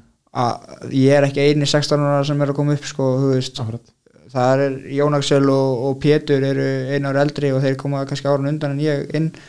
Og þar koma bara nokkur ár þar sem við erum með stór hlutverk og, og virkilega náum svona að taka skref í, í, í að, að vaksa og, það hjálpar að sína sér bara eins og með yngerlandslið, þú veist, við förum í, í 20 ára landslið og við komumst í aðdeild sem að gefur ekki gerst oft og, og það, ég þakka því að, að við vorum með reynslu og vorum, þú veist, bara kannski svona aðeins meira seipaði kauruboltamenn en, en, en núna ser maður ekki íslensk yngjörnarslið, þú veist, vera að gera alveg, þú veist þessa hluti í rauninni sem að auðvitað hjálpaði við vorum með trygg og allt það en, en þetta hjálpa, þú veist þetta býr til íslenska leikmenn Algjörlega, til, til lengdar en algjörlega sko. það er svona erfitt núna og, og en jú, kannski ef að að hafa þetta svona júróstild þá finnst mér að þurfa að vera eitthvað allar miklu meira reglu þá í fyrstild að að leikmenni getur það því þú horfður á fyrstildi fyrra og, og það voru fullt af útlinga þar líka. Ætli það megi, ætli það megi vera með sikkur regluna Þú veist, fyrir úrstildu fyrir Bara svona homegrown reglur sko. Já, ég held það að það meir vera með sikkur sko. Þú mátt, al- þú mátt samt ekki banna bossmannleikum kominga skiljur Nei. En þú mátt setja ykkur að öðruvísi reglu sem að home- heftur já, líka. Já, homegrown að þú er að vera með ykkur ákveðna marka og svona. En ég held að líka sko að Er, er þú mátt fá eins marga bossmenninga og vilt sko. Þú veist, það, er, það er bara ekki hægt sko. En- og, og það er bara reglu sem að er ekki tengt Íslandi. En þá held ég þurfa líka leikmenn að, að, og KKI að djúsa upp fyrstetina -hmm. að fá leikmenn sem eru þú veist, ekki á káralefili eða eitthvað svo leiðis að þurfa bara, herru, ok, nú ætlum ég bara að fara í fyrstöldina og gera drullu góða hluti þar og fá mínútu Þetta þar ert að meina fyrir leikmenn að gera? Já, Já. leikmenn sem eru bara ekki alveg klárir í úrvastild, það sem eru bara Á þessu þrír- leveli. á þessu leveli, það sem eru bara þrýr geggjaðir bossmenn og, og veist, hver staða er bara full, þú veist, sjáum eins og styrmir gerir núna, og veist, hann spilaði ekki með þú, hann spilaði með Hamar í fyrstöldinni og var víst mjög góður. Þetta er rosalega tvíekja sverð finnst mér. Þú veist, deildin fyrir vikið er miklu skemmtilegri finnst mér persónulega, núna með öllum eins og bósmann og styrkleikin er bara þannig. En á móti kemur alveg sem þú segir, þá eru leikmenn ekki að fá þessi tækifæri sem þú fjækst er strákum og landsliðinu og allir þessu. Já, svo líka þú veist félögin það er búið að hækka ko- kostnaðar og félögunum er búið að hækka helling með þessu og, og það er svo lítið í rauninni veist, rívart sem þú fær tilbaka algjörlega. félögin fyrir þetta þú veist, ekki það var eitthvað saklega mikið rívart með hinum reglunum en bara hvernig körfubólta menningin er en í Íslandi að þú færð engan þú veist, ekki einhvern rívart fyrir að búa til leikmenn eða eitthvað, þú færð bara já. fyrir að vinna Já. og, og that's it bara, bara ál, bara málmi í, í, í byggar það er ekki eins og peningur sko. Nei, varla, ekki, en, en það er áttu auðveldar náttúrulega með því að fá fleiri allt í styrtara Já, eða já. og auðvitað gefur úsleikeppnin fullt af peningum og þannig en það er ekki eins og í fótballanum það sem að þú veist, og horfa á blikana eða eitthvað þú veist, að þeir senda, ú- selja leikmenn unga leik, þeir eru leikja mikið í unga leikmennum og þannig og þeir selja leikmenn út fyrir, fyrir peninga og, og svo bara- ef þeir eru seldir aftur þá fá þeir alltaf prósentur Akkurat, og þannig að það er veldur fyrir þá já. til þess að halda svona standard. Bara businessin sko. Já, meðan við, það er ekkert sannleik í körubólta fyrir okkur. Selur ekki leikmenn sko. Nei, og líka með sko bara þar var rívarti allan að þú fegst þá góða leikmenn Já. sem geta spilað með landsliðinu eða geta skilju, þar var eitthvað rívart skilju en núna erum við bara að svona orðin risa stór, stór trampolin fyrir ellendal ellendaleikmenn til að koma hingað en við hugsað, poppa þú út. veist, er að hjálpa hversu góð íslensk landsliður orðin? Er að þess vegna sem við erum að fá sterka leikmenn af því að Ísland er orðið þekktara í að þjóða ég körubóta held að sé bara peninga sko.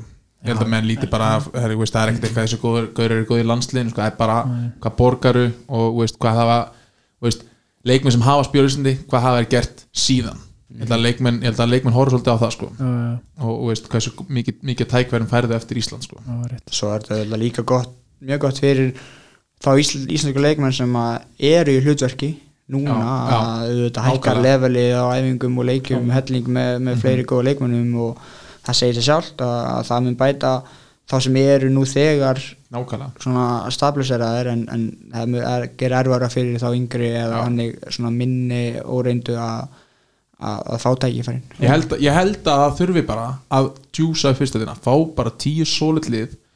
Uh, hvernig ætlar þú að gera það með mér finnst mjög, og mjög sniðut eins og sem að stjarnan er að gera núna.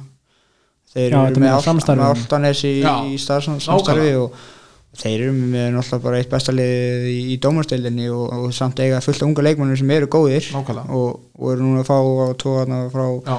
Ísafjörði og ég myndi giska að þeir er fara að þanga svona að mest að spila eitthvað slatta út að það er, ég sé ekki alltaf að það sé svaklega mikið tími fyrir þá í, í, í aðaleginu eða í stjörnunni. Akkurat. Þannig að, að þar eru þeir fá þeir að æfa með þeim og, og hörkulega vel á æfingum og svo endalega þá spila þeir í líka fínu Já, dæmi og meira kannski fyrir þeirra umhverfi í fyrstöldinni þetta er góða punktur. Já, mér finnst þetta, ég held að þetta verði meira svona sko.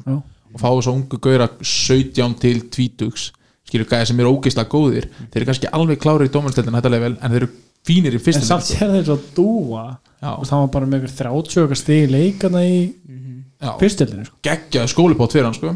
Já þú veist það sýnir samt að hann er of góð fyrir dildina Já, en þá þess að það þarf að gera fyrstildina betri já, já. Veist, það er bara eitthvað sindri frá höfni hotnaferði og eitthvað lið sem er, veist, hvað var ekki nýju lið Þú, þú getur ekkert hent þeim bara úr dildinni samt sko. Nei, já, það er bara styrkja þau já, hver á að gera það? bara með því að fá þess að, veist, svona boss, nei, hana leikmenn og öðrum liðum, hvað heitir aftur eins og styrmi var og Venslasamninga. og skilur fá leikmenn svoleiðis og, og veist, öll liðin þurfa þá að spila saman er bara, Já, þetta von, veist, þegar ykkur er farið að gera þetta eins og stjarnan er og ég held að KR sé að reyna þetta líka með, KF og, og, og, og þar er ykkur yngri og, og þá vonandi, vonandi mun þetta ganga þar og vonandi er þetta kannski stefnar þetta er ekkert hægt að fá alla þess að gera Nei. þetta eða hitt eða neitt svoleiðis þú veist, en, en vonandi mun þetta skila sér í því að, að við verum betri með yngjarnarslið og þessi leikmenn það taki haldi áfram út af því að ef þeir eru ekki að fá að spila í mistarlokki í júrósteild þá eru þeir kannski bara með úlingarflóksleiki Já. og það er bara alls ekki nú Nei. úr, þar eru þeir lang, lang bestir já, já, góður, og, og að það þarf að vera þetta, eitthvað á milli hérna, þú veist, fyrir og, og til þess að geti halda áfram að taka skrif Fa og farðu bara í vestra, skilur við. Taktu eitt tímabil verði í fínni vinnu og kynstu nýju fólki og farið í vestra og verðu góðar og kottu sem bara aftur í Reykjavík mm. það er ekki, það er bara fínt á Ísafjörði að páta sko. og bara góðu skóli, þótt að eins og segir í bandaríkjunum, þetta var hundleðilegt þetta var skilur og erfitt og og verður pott, eitthvað, eitthvað leðilegt að vera bara í snjó og snjóflóðhætti á Ísafjörði sko. en eftir á myndu koma miklu fullóndan eftir það sko. það rétt en hérna, mér að spyrja þig út í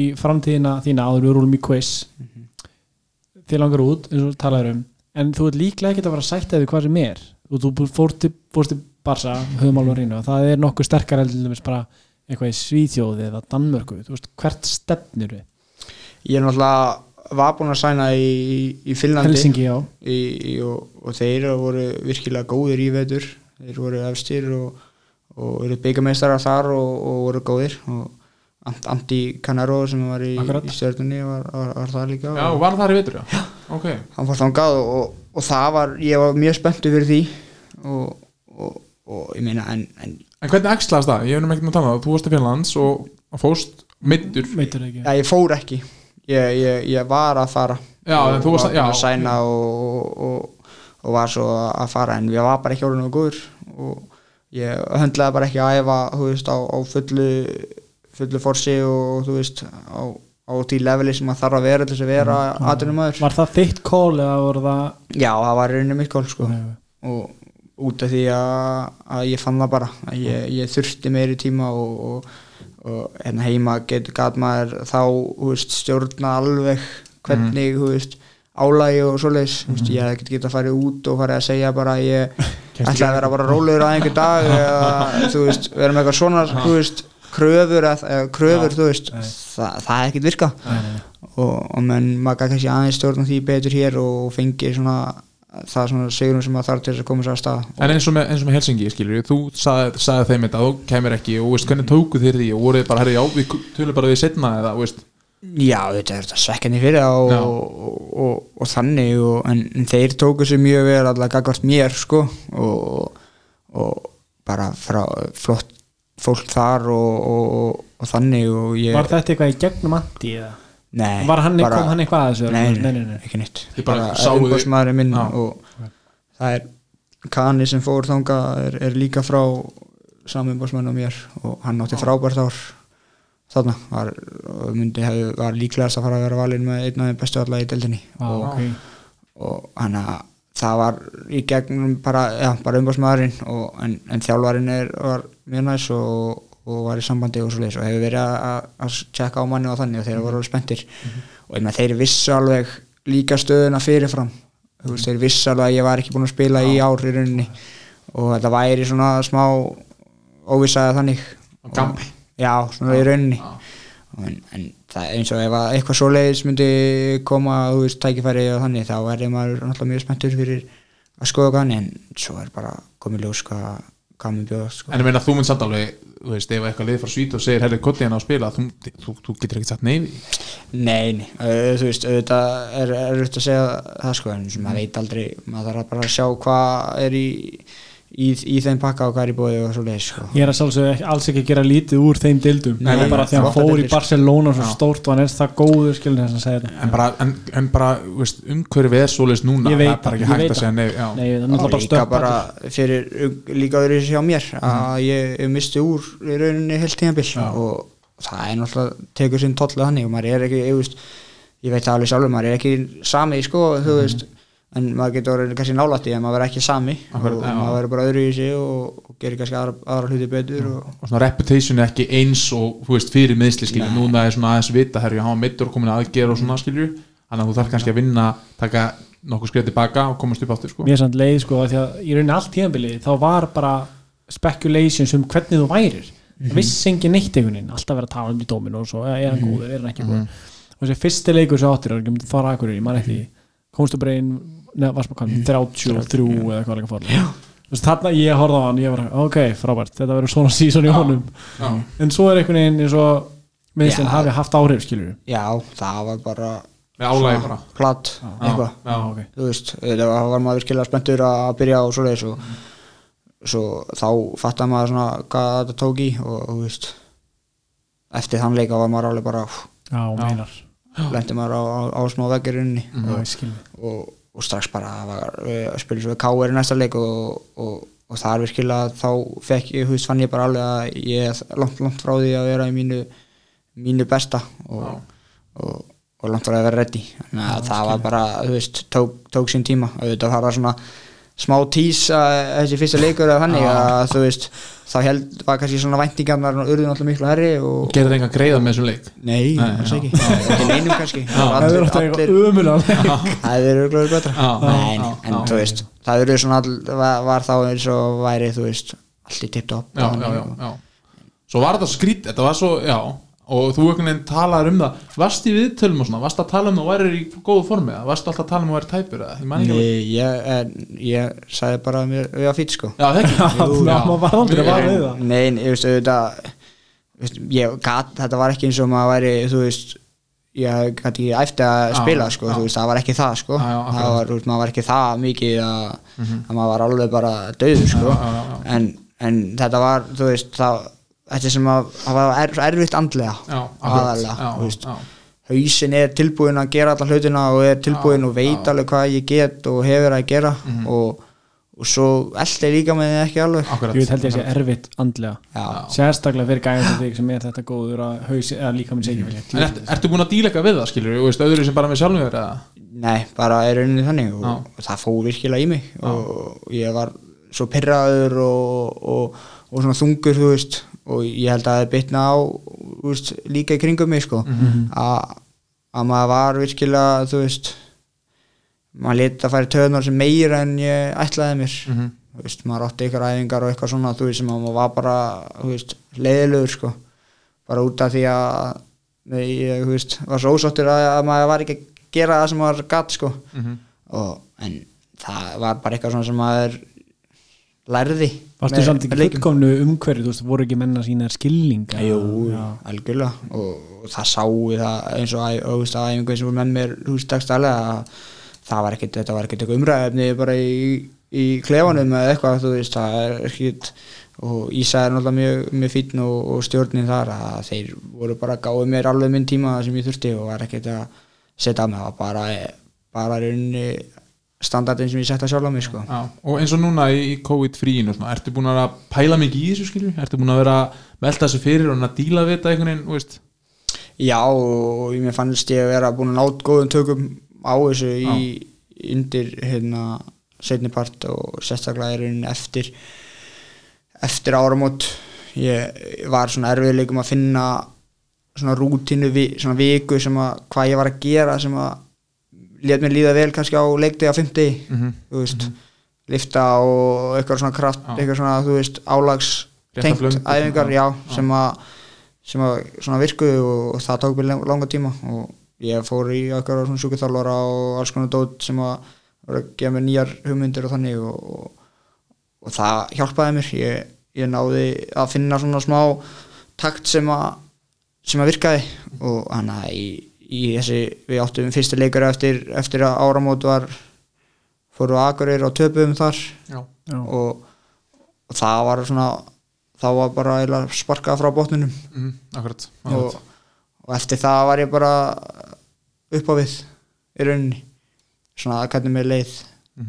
Ég vonandi að, að, að þessi pása hefur bara komin vel niður á líkamannum að og þú komið bara 100% tilbaka það er bara það vonu ég. Já, En eins og bara, en bara eins og, veist, á æfingu í gær varstu ekki, varstu smeykur við að fara að finna fyrir verkjum eða Nei, alls ekki. Nei.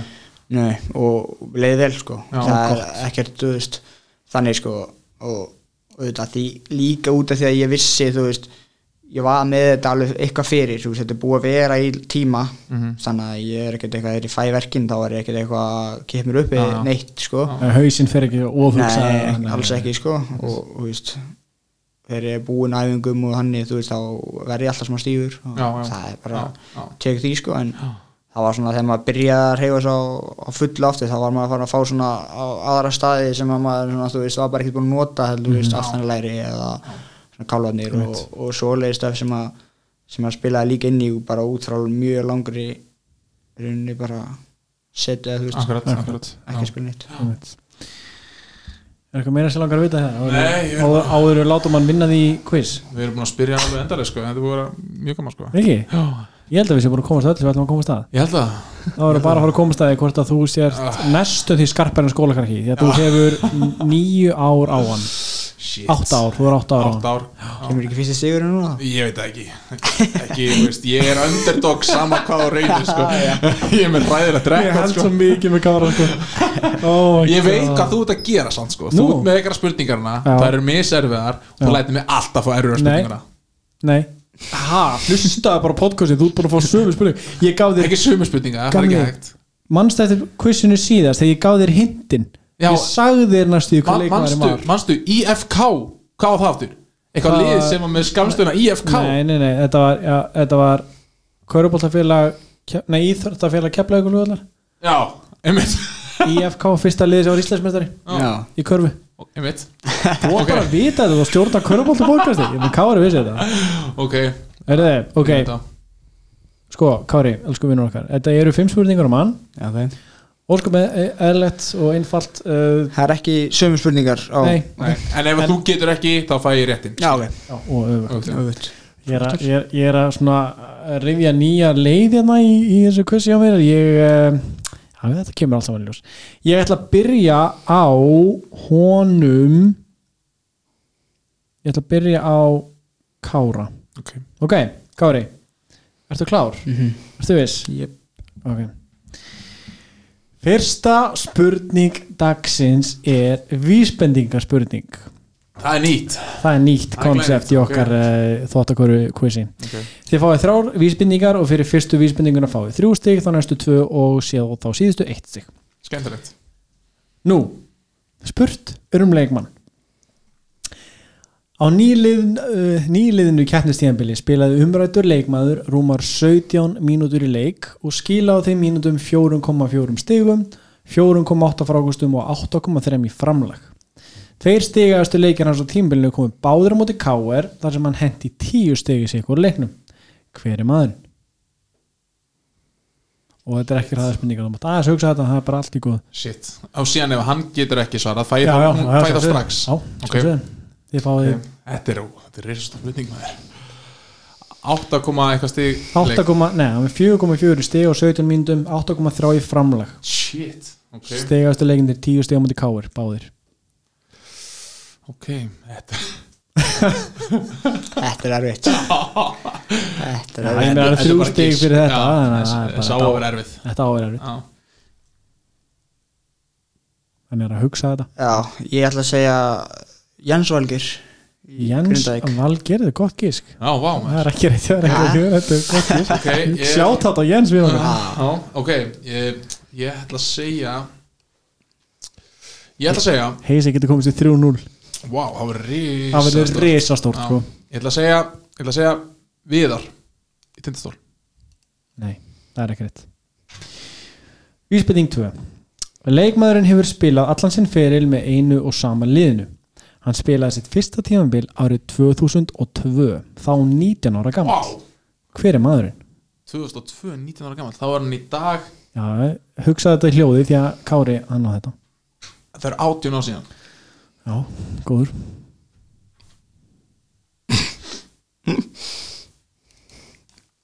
Já. 18 á síðan. Það eru miklar vanga veldur hérna í podcast stöðinni Já, besta stöðin. Besta stöðin, Við glemdum sponsinum. Heisi Ég hugsa þú málið, þú er gott að því. Já, Ég ætla bara að tala um spons og eitthvað með Kári Já, og hugsa ok. það, nema sér komið svar. Hann spila 17 mínútur í leik. Já, ég held ég sé með þetta. Jólurinni Áhugavert. Ég held það. Hann þarf að passa þegar þú er haldið þar enda Ég bara manni hvað hann heitir sko. Nei, það er frábært þér Ég ætla þá að giska á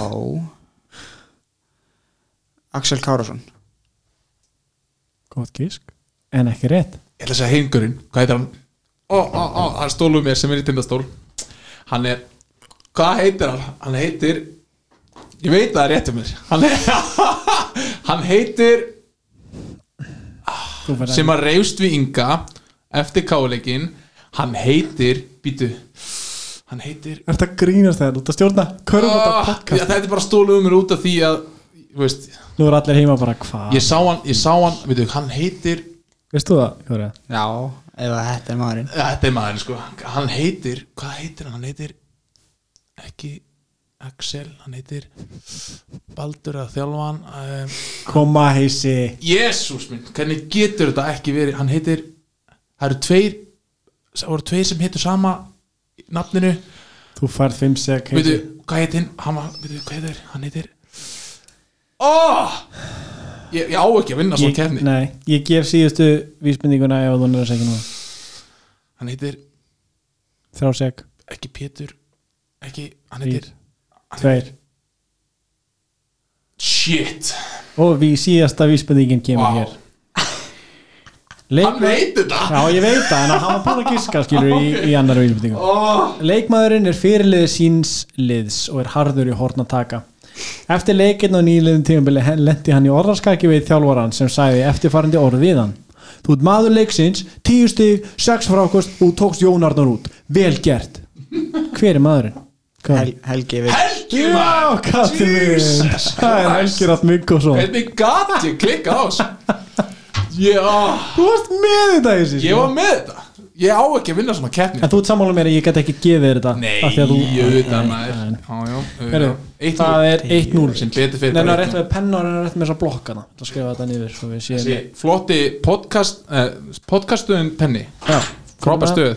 Hanna, hanna Ok, það er þá 1 á Gára Já, og Heisi er með 0 Já. Ok, þá er það fyrsta spurning á þig Heisi. Já, Aftur er spurt um leikmann. Uh, Frá árinu 2013 hefur leikmæðurinn spilað með hvorki meirinni minna en 8 félugum Hans fyrsta stoppistuð var Bélið Káir en eftir það átti hann tólleiki með aðaliðliðsins áður en að ferði sig yfir til Hamas í hveragerði árið 2014 Hver er maðurinn? 2014 Da, da, da, da. 2014 uh, Það er að segja til Hamar 2014 Já, er þetta Örn Sigursson? Er það loka svar? Já, Það er ekki rétt. Ha? Gæs, hann sé bara svo einu sem komið til greina. Já, þú veist, ok, já. Anyways, já. Á, fli- Flisti David í Kára. Þannig við spilum með átta liðum. Já, síðan 2013 Það er rosalegt. Það er svaklega mikið. Já, Býtu, já það er sanns Lauslátur greið Býtu, er þetta þá eitt lið á tímubili? Já, reiknaði nú Síðan 2013 bara spilum áttaliðum Það er eitt lið á tímubili Hún skiptir lið hvert einasta tímubili En hann er búin að fara og koma aftur í saman lið skilur setna Já, hann er ekki búin að spila með átta sík hverjum lið Jú, Ok. Wow Spila fyrst 2013 já, það er KRB Spilar tóluleiki með aðaliði KR það tímabil Svo fyrir hann til Hamas 2014 Hver er þetta? Hver er þetta maður? Eitthvað nafn sem kemur í hugan Er þetta? Ég ætla að- Ég veit ekki neitt sko. Þú, þú mátt passa þetta sko Ég ætla að giska á Oddur Kristjánsson Það er ekki rétt Ok, Vísbending 2 þegar ok Á nýliðinu kennistíðanbilið spilaði hann stóra rullu í sínu liði og spilaði með að tali 29 mínútur leik og skilaði með að tali 11,5 stegum og 11,6 í framlag. Lið hans spilar á höfuborgarsvæðinu og var um miðjadeild þegar tímabilinu var slútað. Hver er maðurinn? Já Já, nei Hvað spila, hvað spila, hvað spila marga mínútur? Hann spilaði 29 mínútur leik. Í, í efstu dild? Já, já. Ha? Síðan 2000 Jú, ha? Við gerðum hissi eitthvað. Þetta er Þetta er helviti góð spurning já, takk fyrir það. Ég held að gárungarnir hann er úti sér alveg með þetta. Aha, Já, ég held að Tommy Stendos er með þetta. Já, ok. Uh, Ég, seg, ég hugsa að við varum, við, við varum heima þá erum við með þetta líka. Já, pottet sko, það er þannig. sko. Það pottet svolítið sko. Uh, uh, Spilaði á höfuborgarsæðinu Það er þá ekki mörglega í bóði Valur, Stjarnan, Káer Fjölnir. Ég sagði að uh, liðið var miðadeild þegar tímbil á flytta Miðadild, hvaða lið var miðadild? ekki taka allt og langa tími í það Ég maður er svo, er svo villis í þetta svo, þú veist, þú, þú gerir þetta ekkert auðvöldara sko Já, Ha. smá. Herru Ég veit ekki hvað hva heiti Gunni hann, hann spila ekki svona mikið sko. Herru, ég ætla bara að skjóta á Ég ætla bara að skjóta á uh, uh, Átta lið Já. Þú spilaði, það er rosalegt sko. Það er Já. svolítið mikið að miður kann spila líka mikið nú já, já. Þetta er flakkari en samt spila hann 29 Hvað er með og í miður tímbili fór hann höfuborgarsæðinu, þetta er einhver íringur hvað er með það? þetta er þetta er hann að þetta er ég veit ekki ég bara veit ekki sko. hvað er með náttkallir minn? ég veit ekkert hvað nafni á að segja ég bara segi pass shit já ok. ég Herru,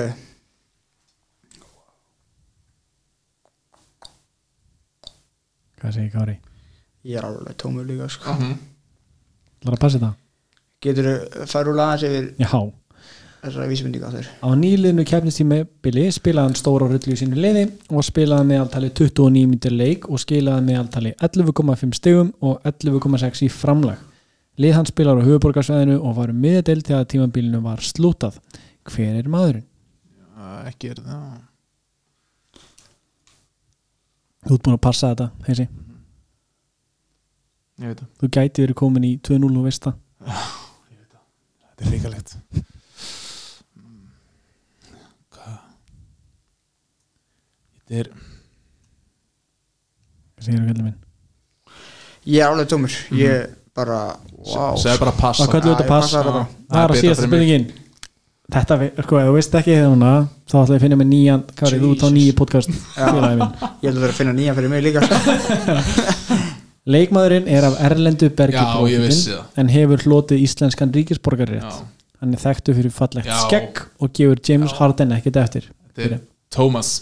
Hvað er hann? hann heitir Thomas. Þetta ekki. Hann heitir eitthvað Thomas. Þetta grínast Þetta grínast? Eitthvað Thomas hvað heitir hann? Hann heitir e eitthvað Thomas. D.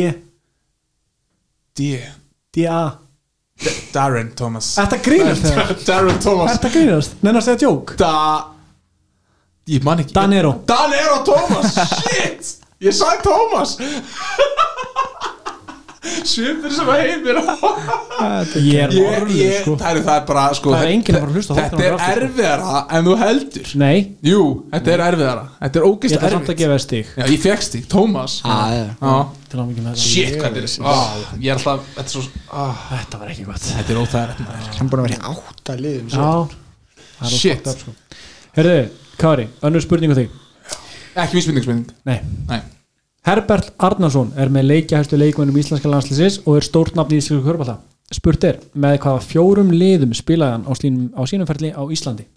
Fáið við stig fyrir hvert lið eða bara fjögur stig? Nei, eða bara fjögur uh, Stegi fyrir hvert lið. Ok. Þannig að það er fjóru stegi í búið hann er svo ungur KR, IR oh, ég vissi þetta bara sko. Um, Þessi tvö eru bæði rétt. Svo er alveg Ég ætla að segja Grindavík er nei, og síðasta er Úf Valur. Það er hann rétt. Ha, Bæn djöfullir Bokking vel gert. Þetta var rosalegt. Fullt úr stiga fjögur stig. Já, já. ok, það er, það er Þetta farlegt skjótt skipast við í loftið Það er 5-1 shit, Þessi þið vissur þetta Já, með KR, IR já, var hitt bara eitthvað Ég með grunaði Grindavík. Bokking vel gert sko. En svo var ég ekki alveg wow, síðust. Þetta var eitthvað miracle. Það er mjög vel gert. Þetta var svipað mikið sjokk og þegar hann setti. Heyrðu ok, annað önnur spurning þessi ok, uh, Hverjir voru fjóri stigastu Íslendingarnir á nýlefni kæmstífili? Íslendingarnir? Ok um, um, ég myndi segja að það væru uh, Sigtryggur Arnar. Rétt. Um, Mér langar að segja maður og hliðnar en ég veit að þess uh, Sigtryggur Arnar sem voru einhverjum helviti góðir ég myndi segja Kári Jónsson. Yes. uh, ég myndi segja Íslendinganir uh, hverju voru Og það komast á smá ról. Já, Snjóboltin er að myndast. Já, já, já, já þetta er- Leyfðu honum að rúlla. já, já, já, já, já, já veit ég, veit að hugsa þetta aðeins. Uh, Hugsaðu aðeins líka ekki vera of inn í kassanum. Hugsaðu Ok. aðeins út úr kassanum. Út fyrir kassan sér Þannig séð á ég sko. hugsa út fyrir kassan þetta sko, pimum það. Já og nei. Sko, því Ég segi, ég þarf að gefa honum hint sko. Eins og að vera með reyni pétur hérna. Sko, já, að, því að Já, ég sagði Íslendingarnir. Já, Mundu það bara. Ok já, Mundu það bara En Ok. ekki, ekki vera inn í kassanum sant? ekki inn í kassan, ok Ég er að reyna að gefa þér svona Ó, þetta er óþægilegt sko ok, ég segi uh, Komið Sittrikarnar, komið Kára Jóns Bæði rétt uh -huh, uh -huh, uh -huh, uh -huh. og ég segi Fjóri stigastu Íslendingarnir ég segi, hvað er að segja, hörður Axel eða? Nei Það er ekki rétt. Ekki Hörður Axel um, ekki Ægir Hægt að leita sögurum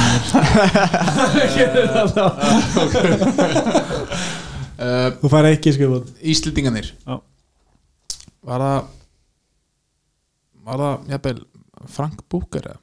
Það er rétt, yes. mjög vel gert okay. Vilt þú skjóta á síðasta? Já, mm,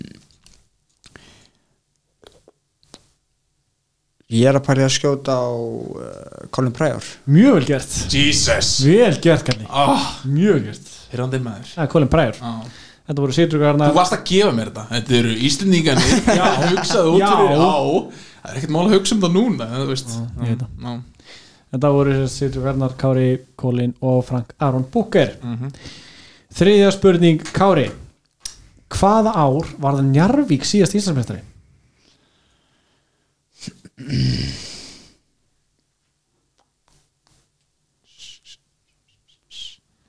Já Segir nokkuð. Mm. Þetta er Kári sko. Já, ég veit að ég er bara að reyna að hafa ekki þögn í eirunum að hlusta Já, Fólk er að hlusta líka. Fólk er að segja því að þegja því að þegja. Kíkja á síman að gangi sem komið á pásu. Nei, já, getur það ekki Herre, ég ætla að skjóta á 2005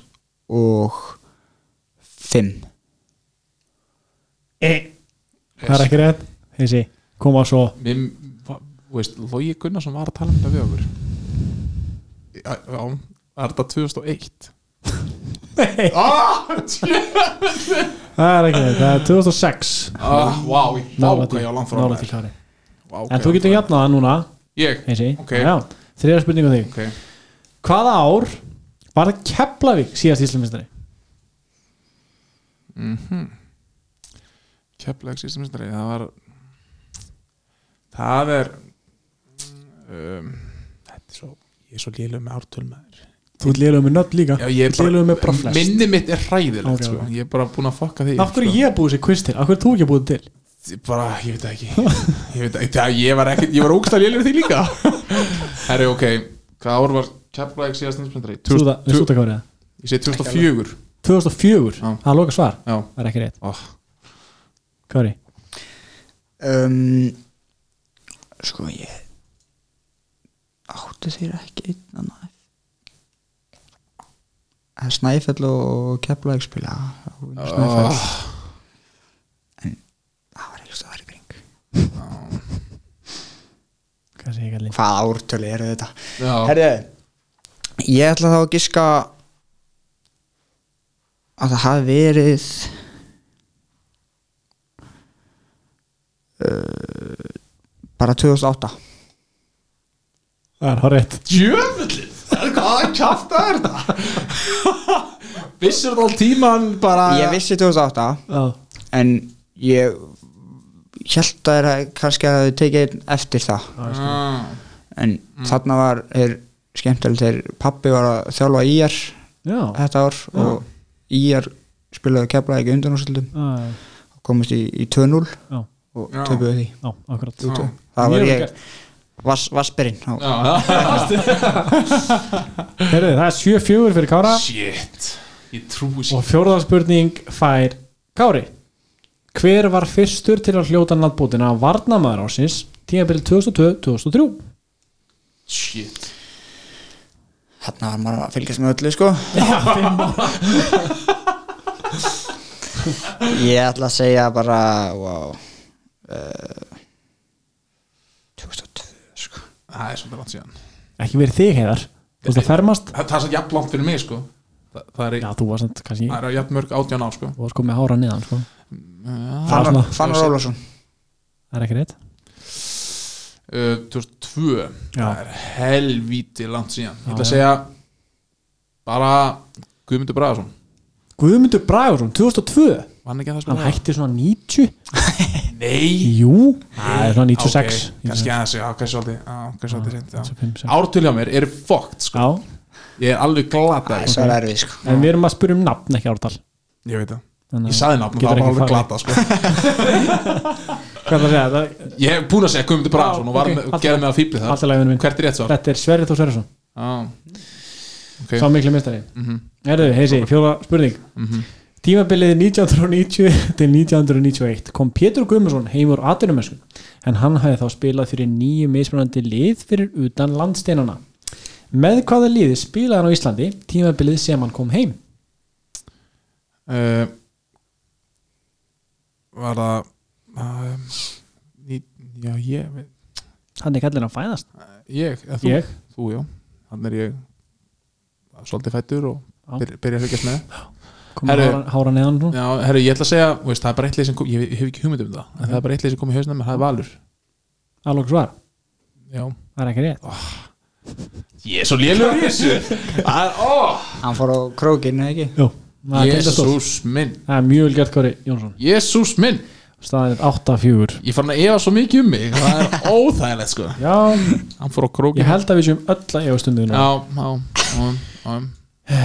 Herðu, þá er það uh, fymta spurning Kári og við færum okkur yfir í NBA fyrir hvað fimmlið spilaði Gary Payton á sínu ferli Fær hann, fær maður eitt stig fyrir hvert lið? Já, Ok, það er ég, fimm stig í pottinum wow. þú geti náð honum hann tekið þú þetta helgi sko. Nei, ég held ekki, sko.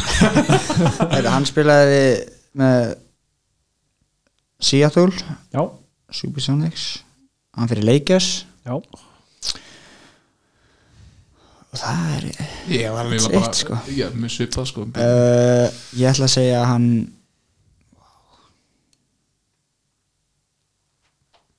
Hvað lið var? Komin 2-5 fer hann í, í New Jersey Nets nei, nei. Hann fer í ég veit ekki mér. Maður taka ekki ekki sigur på já, það við mátt taka Tvö. tvö. viðbútt nú ég má tvöðu viðbútt Já. Minnesota? Það er ekki rétt. Ok, gott að. Það er gott að nota hann fyrir átjölu Það var að bakka upp, sko. ég var nú að vita eitt viðbútt sko. þetta er síkarlega rétt Mér finnst það standaði mjög vel, sko. já, sammála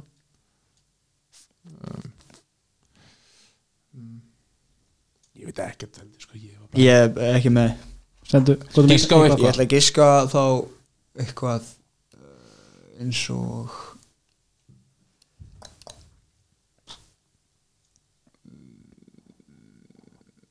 góðum með eitthvað lið Detroit það er ekki rétt. Ok. en þú fær tvö stiga það þannig að það er 10-4 eins og er Ég fæ þrjúlið. já, Byrja með þú veist...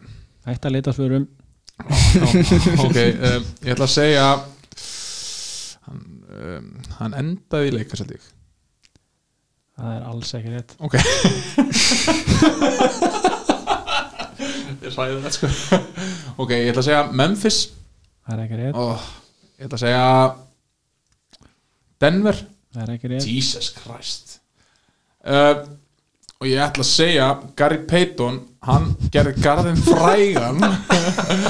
Uh, já, eitt gísk eftir já, já, hvað er það? uh, ekki, hann spilaði líklega ekki nei, ég byrjum, ok, okay uh, ég ætla að giska á ég ætla bara að giska á Clippers það er ekki rétt. Jesus maður. Þetta er í réttir tímaröð Seattle sem þú gískaðir á. Svo fór hann til Milwaukee já, svo kom Lakers svo fór hann til Boston og það til Miami. Já, hann var í Miami Já, maður. með, hann með Shaq og, já og maður Lebron. Já. ekki Lebron, Detroit ekki, Þau verið byrna, já, myndi það, myndi Já, það, myndi það. Já, 2006 Miami. Þannig að staðin er ennþá 10-4 oh, og þú getur officially ekki náð honum. Ég hata, ég hata hann leik. Tjúvel, þú veist. Já, Sjálfstæri sem hann sér í mólum en þú getur nú að minga þetta þess síðasta spurning heisi. Fyrir hvað fimm lið spilaði Derek Fisher á sínu hörði? Ok, það er Lakers. Og það er rétt, hann spilaði með Utah. Það er rétt. Hann spilaði með hann spilaði með Clippers. Það er ekki rétt. Ha, ok. Oh. komið tvö. Ok, uh, hann spilaði með uh, hann spilaði með spilaði með Oklahoma. Já, já, ok, Oklahoma. Komið þrjú. Uh, hann spilaði með mm, komið þrjú og eitt gisk eftir. Hann spilaði með hvaða liði spilaði með? Hann spilaði með Memphis. Það er búin að giska það? Já, klar Nei, ekki, ekki Memphis. Nei, það er ekki rétt. En þú fegst þrjú, þú komið sjö stygg Æja, hvað er þetta, ekki sko tvö? Spila hann Denver? Uh, nei, nei og Derek Fisher hann fór í eitthvað vesturlið þannig að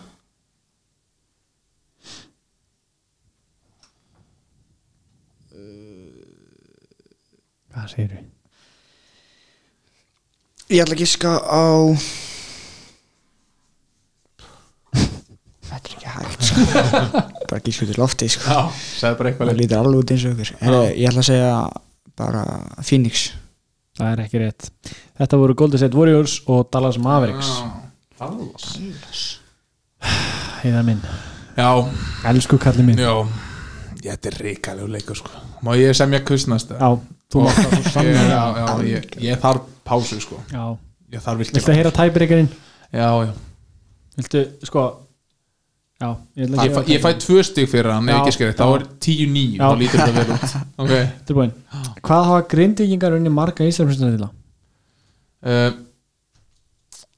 uh, Allan að tvo í röð. Og Ég veit ekki hvort það er eitthvað fyrir það. Ekki bara segja tvo. Lókusvar, Já. það er ekki rétt. Þrýr það er rétt. Unni þrjáröð Nei, unni og á fyrir eitt tvö stig. stig fyrir þetta þetta endaði 12 síðan Nei, unnu 96 og svo Já. 2012 fyrir þetta Gummi bara 26, já, Gummi Break já Þú veist, Maður sem ekki ska unni Já, 2000 Æjæjæ Það var, það var eiginlega Happy sem að sem að gaf mér þennan sig Já, Herbert, já, já, já, já, Já. tók sjögur stig þar Stór greið. þar. Sko. Það braut minni þar sko. En sko heisi, þetta hefði verið allt annað ef þú hefðir áttaði á að að Helgi heiti Ég Helgi. veit það maður. Og ég og og Thomas heitir ekki Darren Thomas. Já, veist, ég vissi það, ég fekk stig fyrir það. já, já. En hvernig getur maður ekki vita ég vissi, sko. ég vissi að vera tveir leikmi sem getur sama nafninu. Já, já. En bara heilið mér sagði, nei, ekki í dag eða að já, já, þannig fóru sjófur þá Þú ert officially 0-6 Já, uh, frábært. ef það er ekki í draumalið sem þú varst búin að búa til fyrir okkur?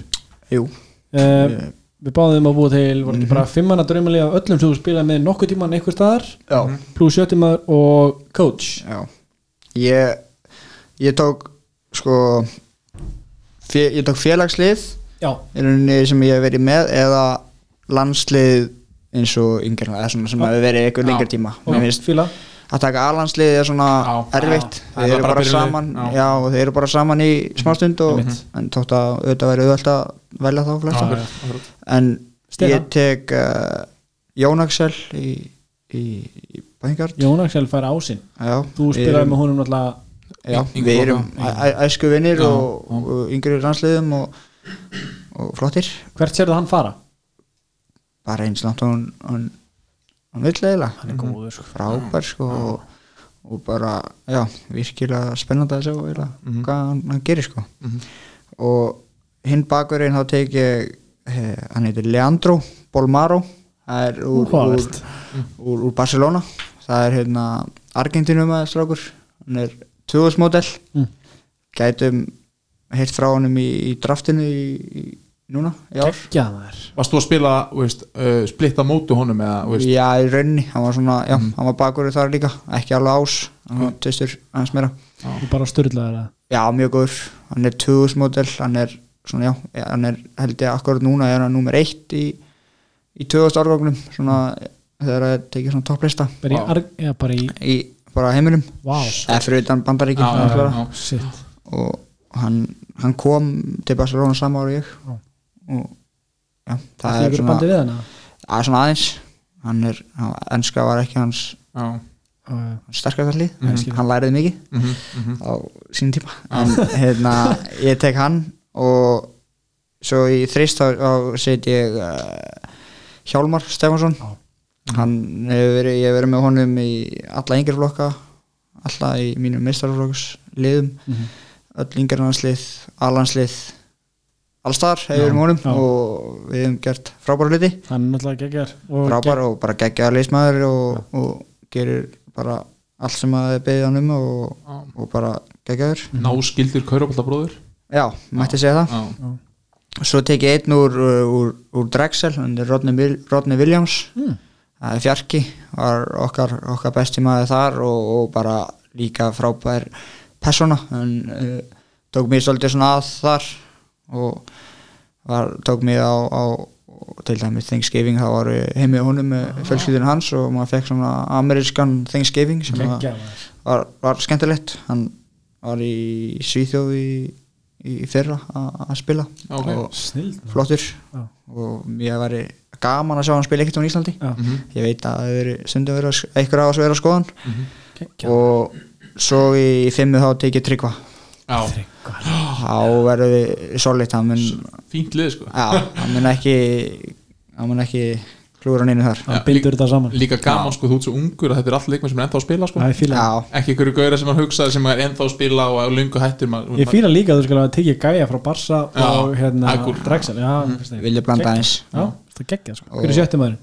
Ég tek í í sjötta manni þá tek ég minn góð vinn uh, Breka Gilvason Já, það verður alls ekki leiðilt í klefunum og, það verður virkilega góð mór allega okkur. Er hann mistari eða? algjörmestari ég er að vinna með honum og, og, og svona við erum hörkugóðir Hvað er þetta að vinna?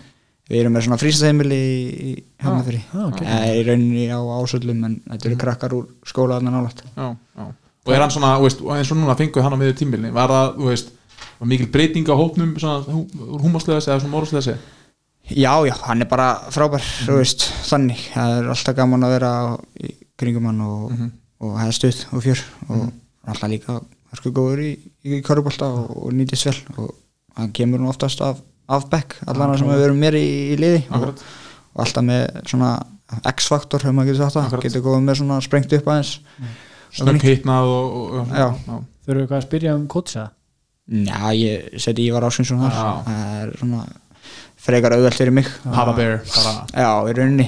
Hann, Er hann bara, Bara- alveg hættur að þjálfa? nei, hann er breðafleika? kannali breyðablík og, og yngri flokka á strákunum. Mhm. og hann bara náttúrulega þjálfaði mig upp alla yngri flokka eða nánast all, flesta yngri flokka og, og svo fyrsta ári mínu mistarflokki og, og gaf mér bara þetta tröst og, og, og frelsi til þess að vera bara ég og fá að spila minn bolta og, og það var aldrei neitt maður fekk aldrei neitt, neitt eitthvað svona að maður eitthvað að efa semdir að neitt frá honum og það var bara algjörlega setti tröst á mann og það vildi bara að maður myndi taka ábyrðina og, leiði manni að gera mistök og leiði manni að allt hannig og, og ég er bara hann er frábær og Þetta geggja Ég sakna hans Ég sakna og körfum sko. ja, frábær karakter líka. Já, ég elska að taka, já, viðtölin og þá bara tekur hann einhvern fyrir. Hann, hann var bara ekki nóg góður og hann þarf að vera betri. Algjörlega. Engi sem segir svona, ég vil bara, já, liðsildin var bara slök í dag og þeir með hann var bara, þú veist, að tala um menni gegnum viðtöl Hvernig, er- hvernig upplifið þið það sem leikmenn hann? Þú veist, því að hann var svona svolítið þekktu fyrir það að gaggrina með ný viðtölum, bara menn.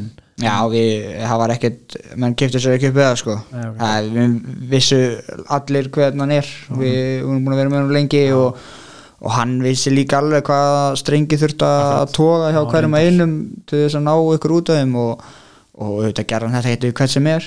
Það var ekkert, hann vissi alveg hvernig hann gæti kannski aðeins meir ekki myndi höndla þetta betur en aðrir og, og svoleiðis og, og sá hluti af- af af hverjubólta þjálfun hjá honum er, er, er framúrskarandi mér. Já, já, ég trúi því. Og maður, já, maður sakna hann sko. Maður vil fá hann í efstild aftur. Hann kemur áttur Já, já Ég var að slúta þessu. Er það ekki, er þetta ekki bara gott?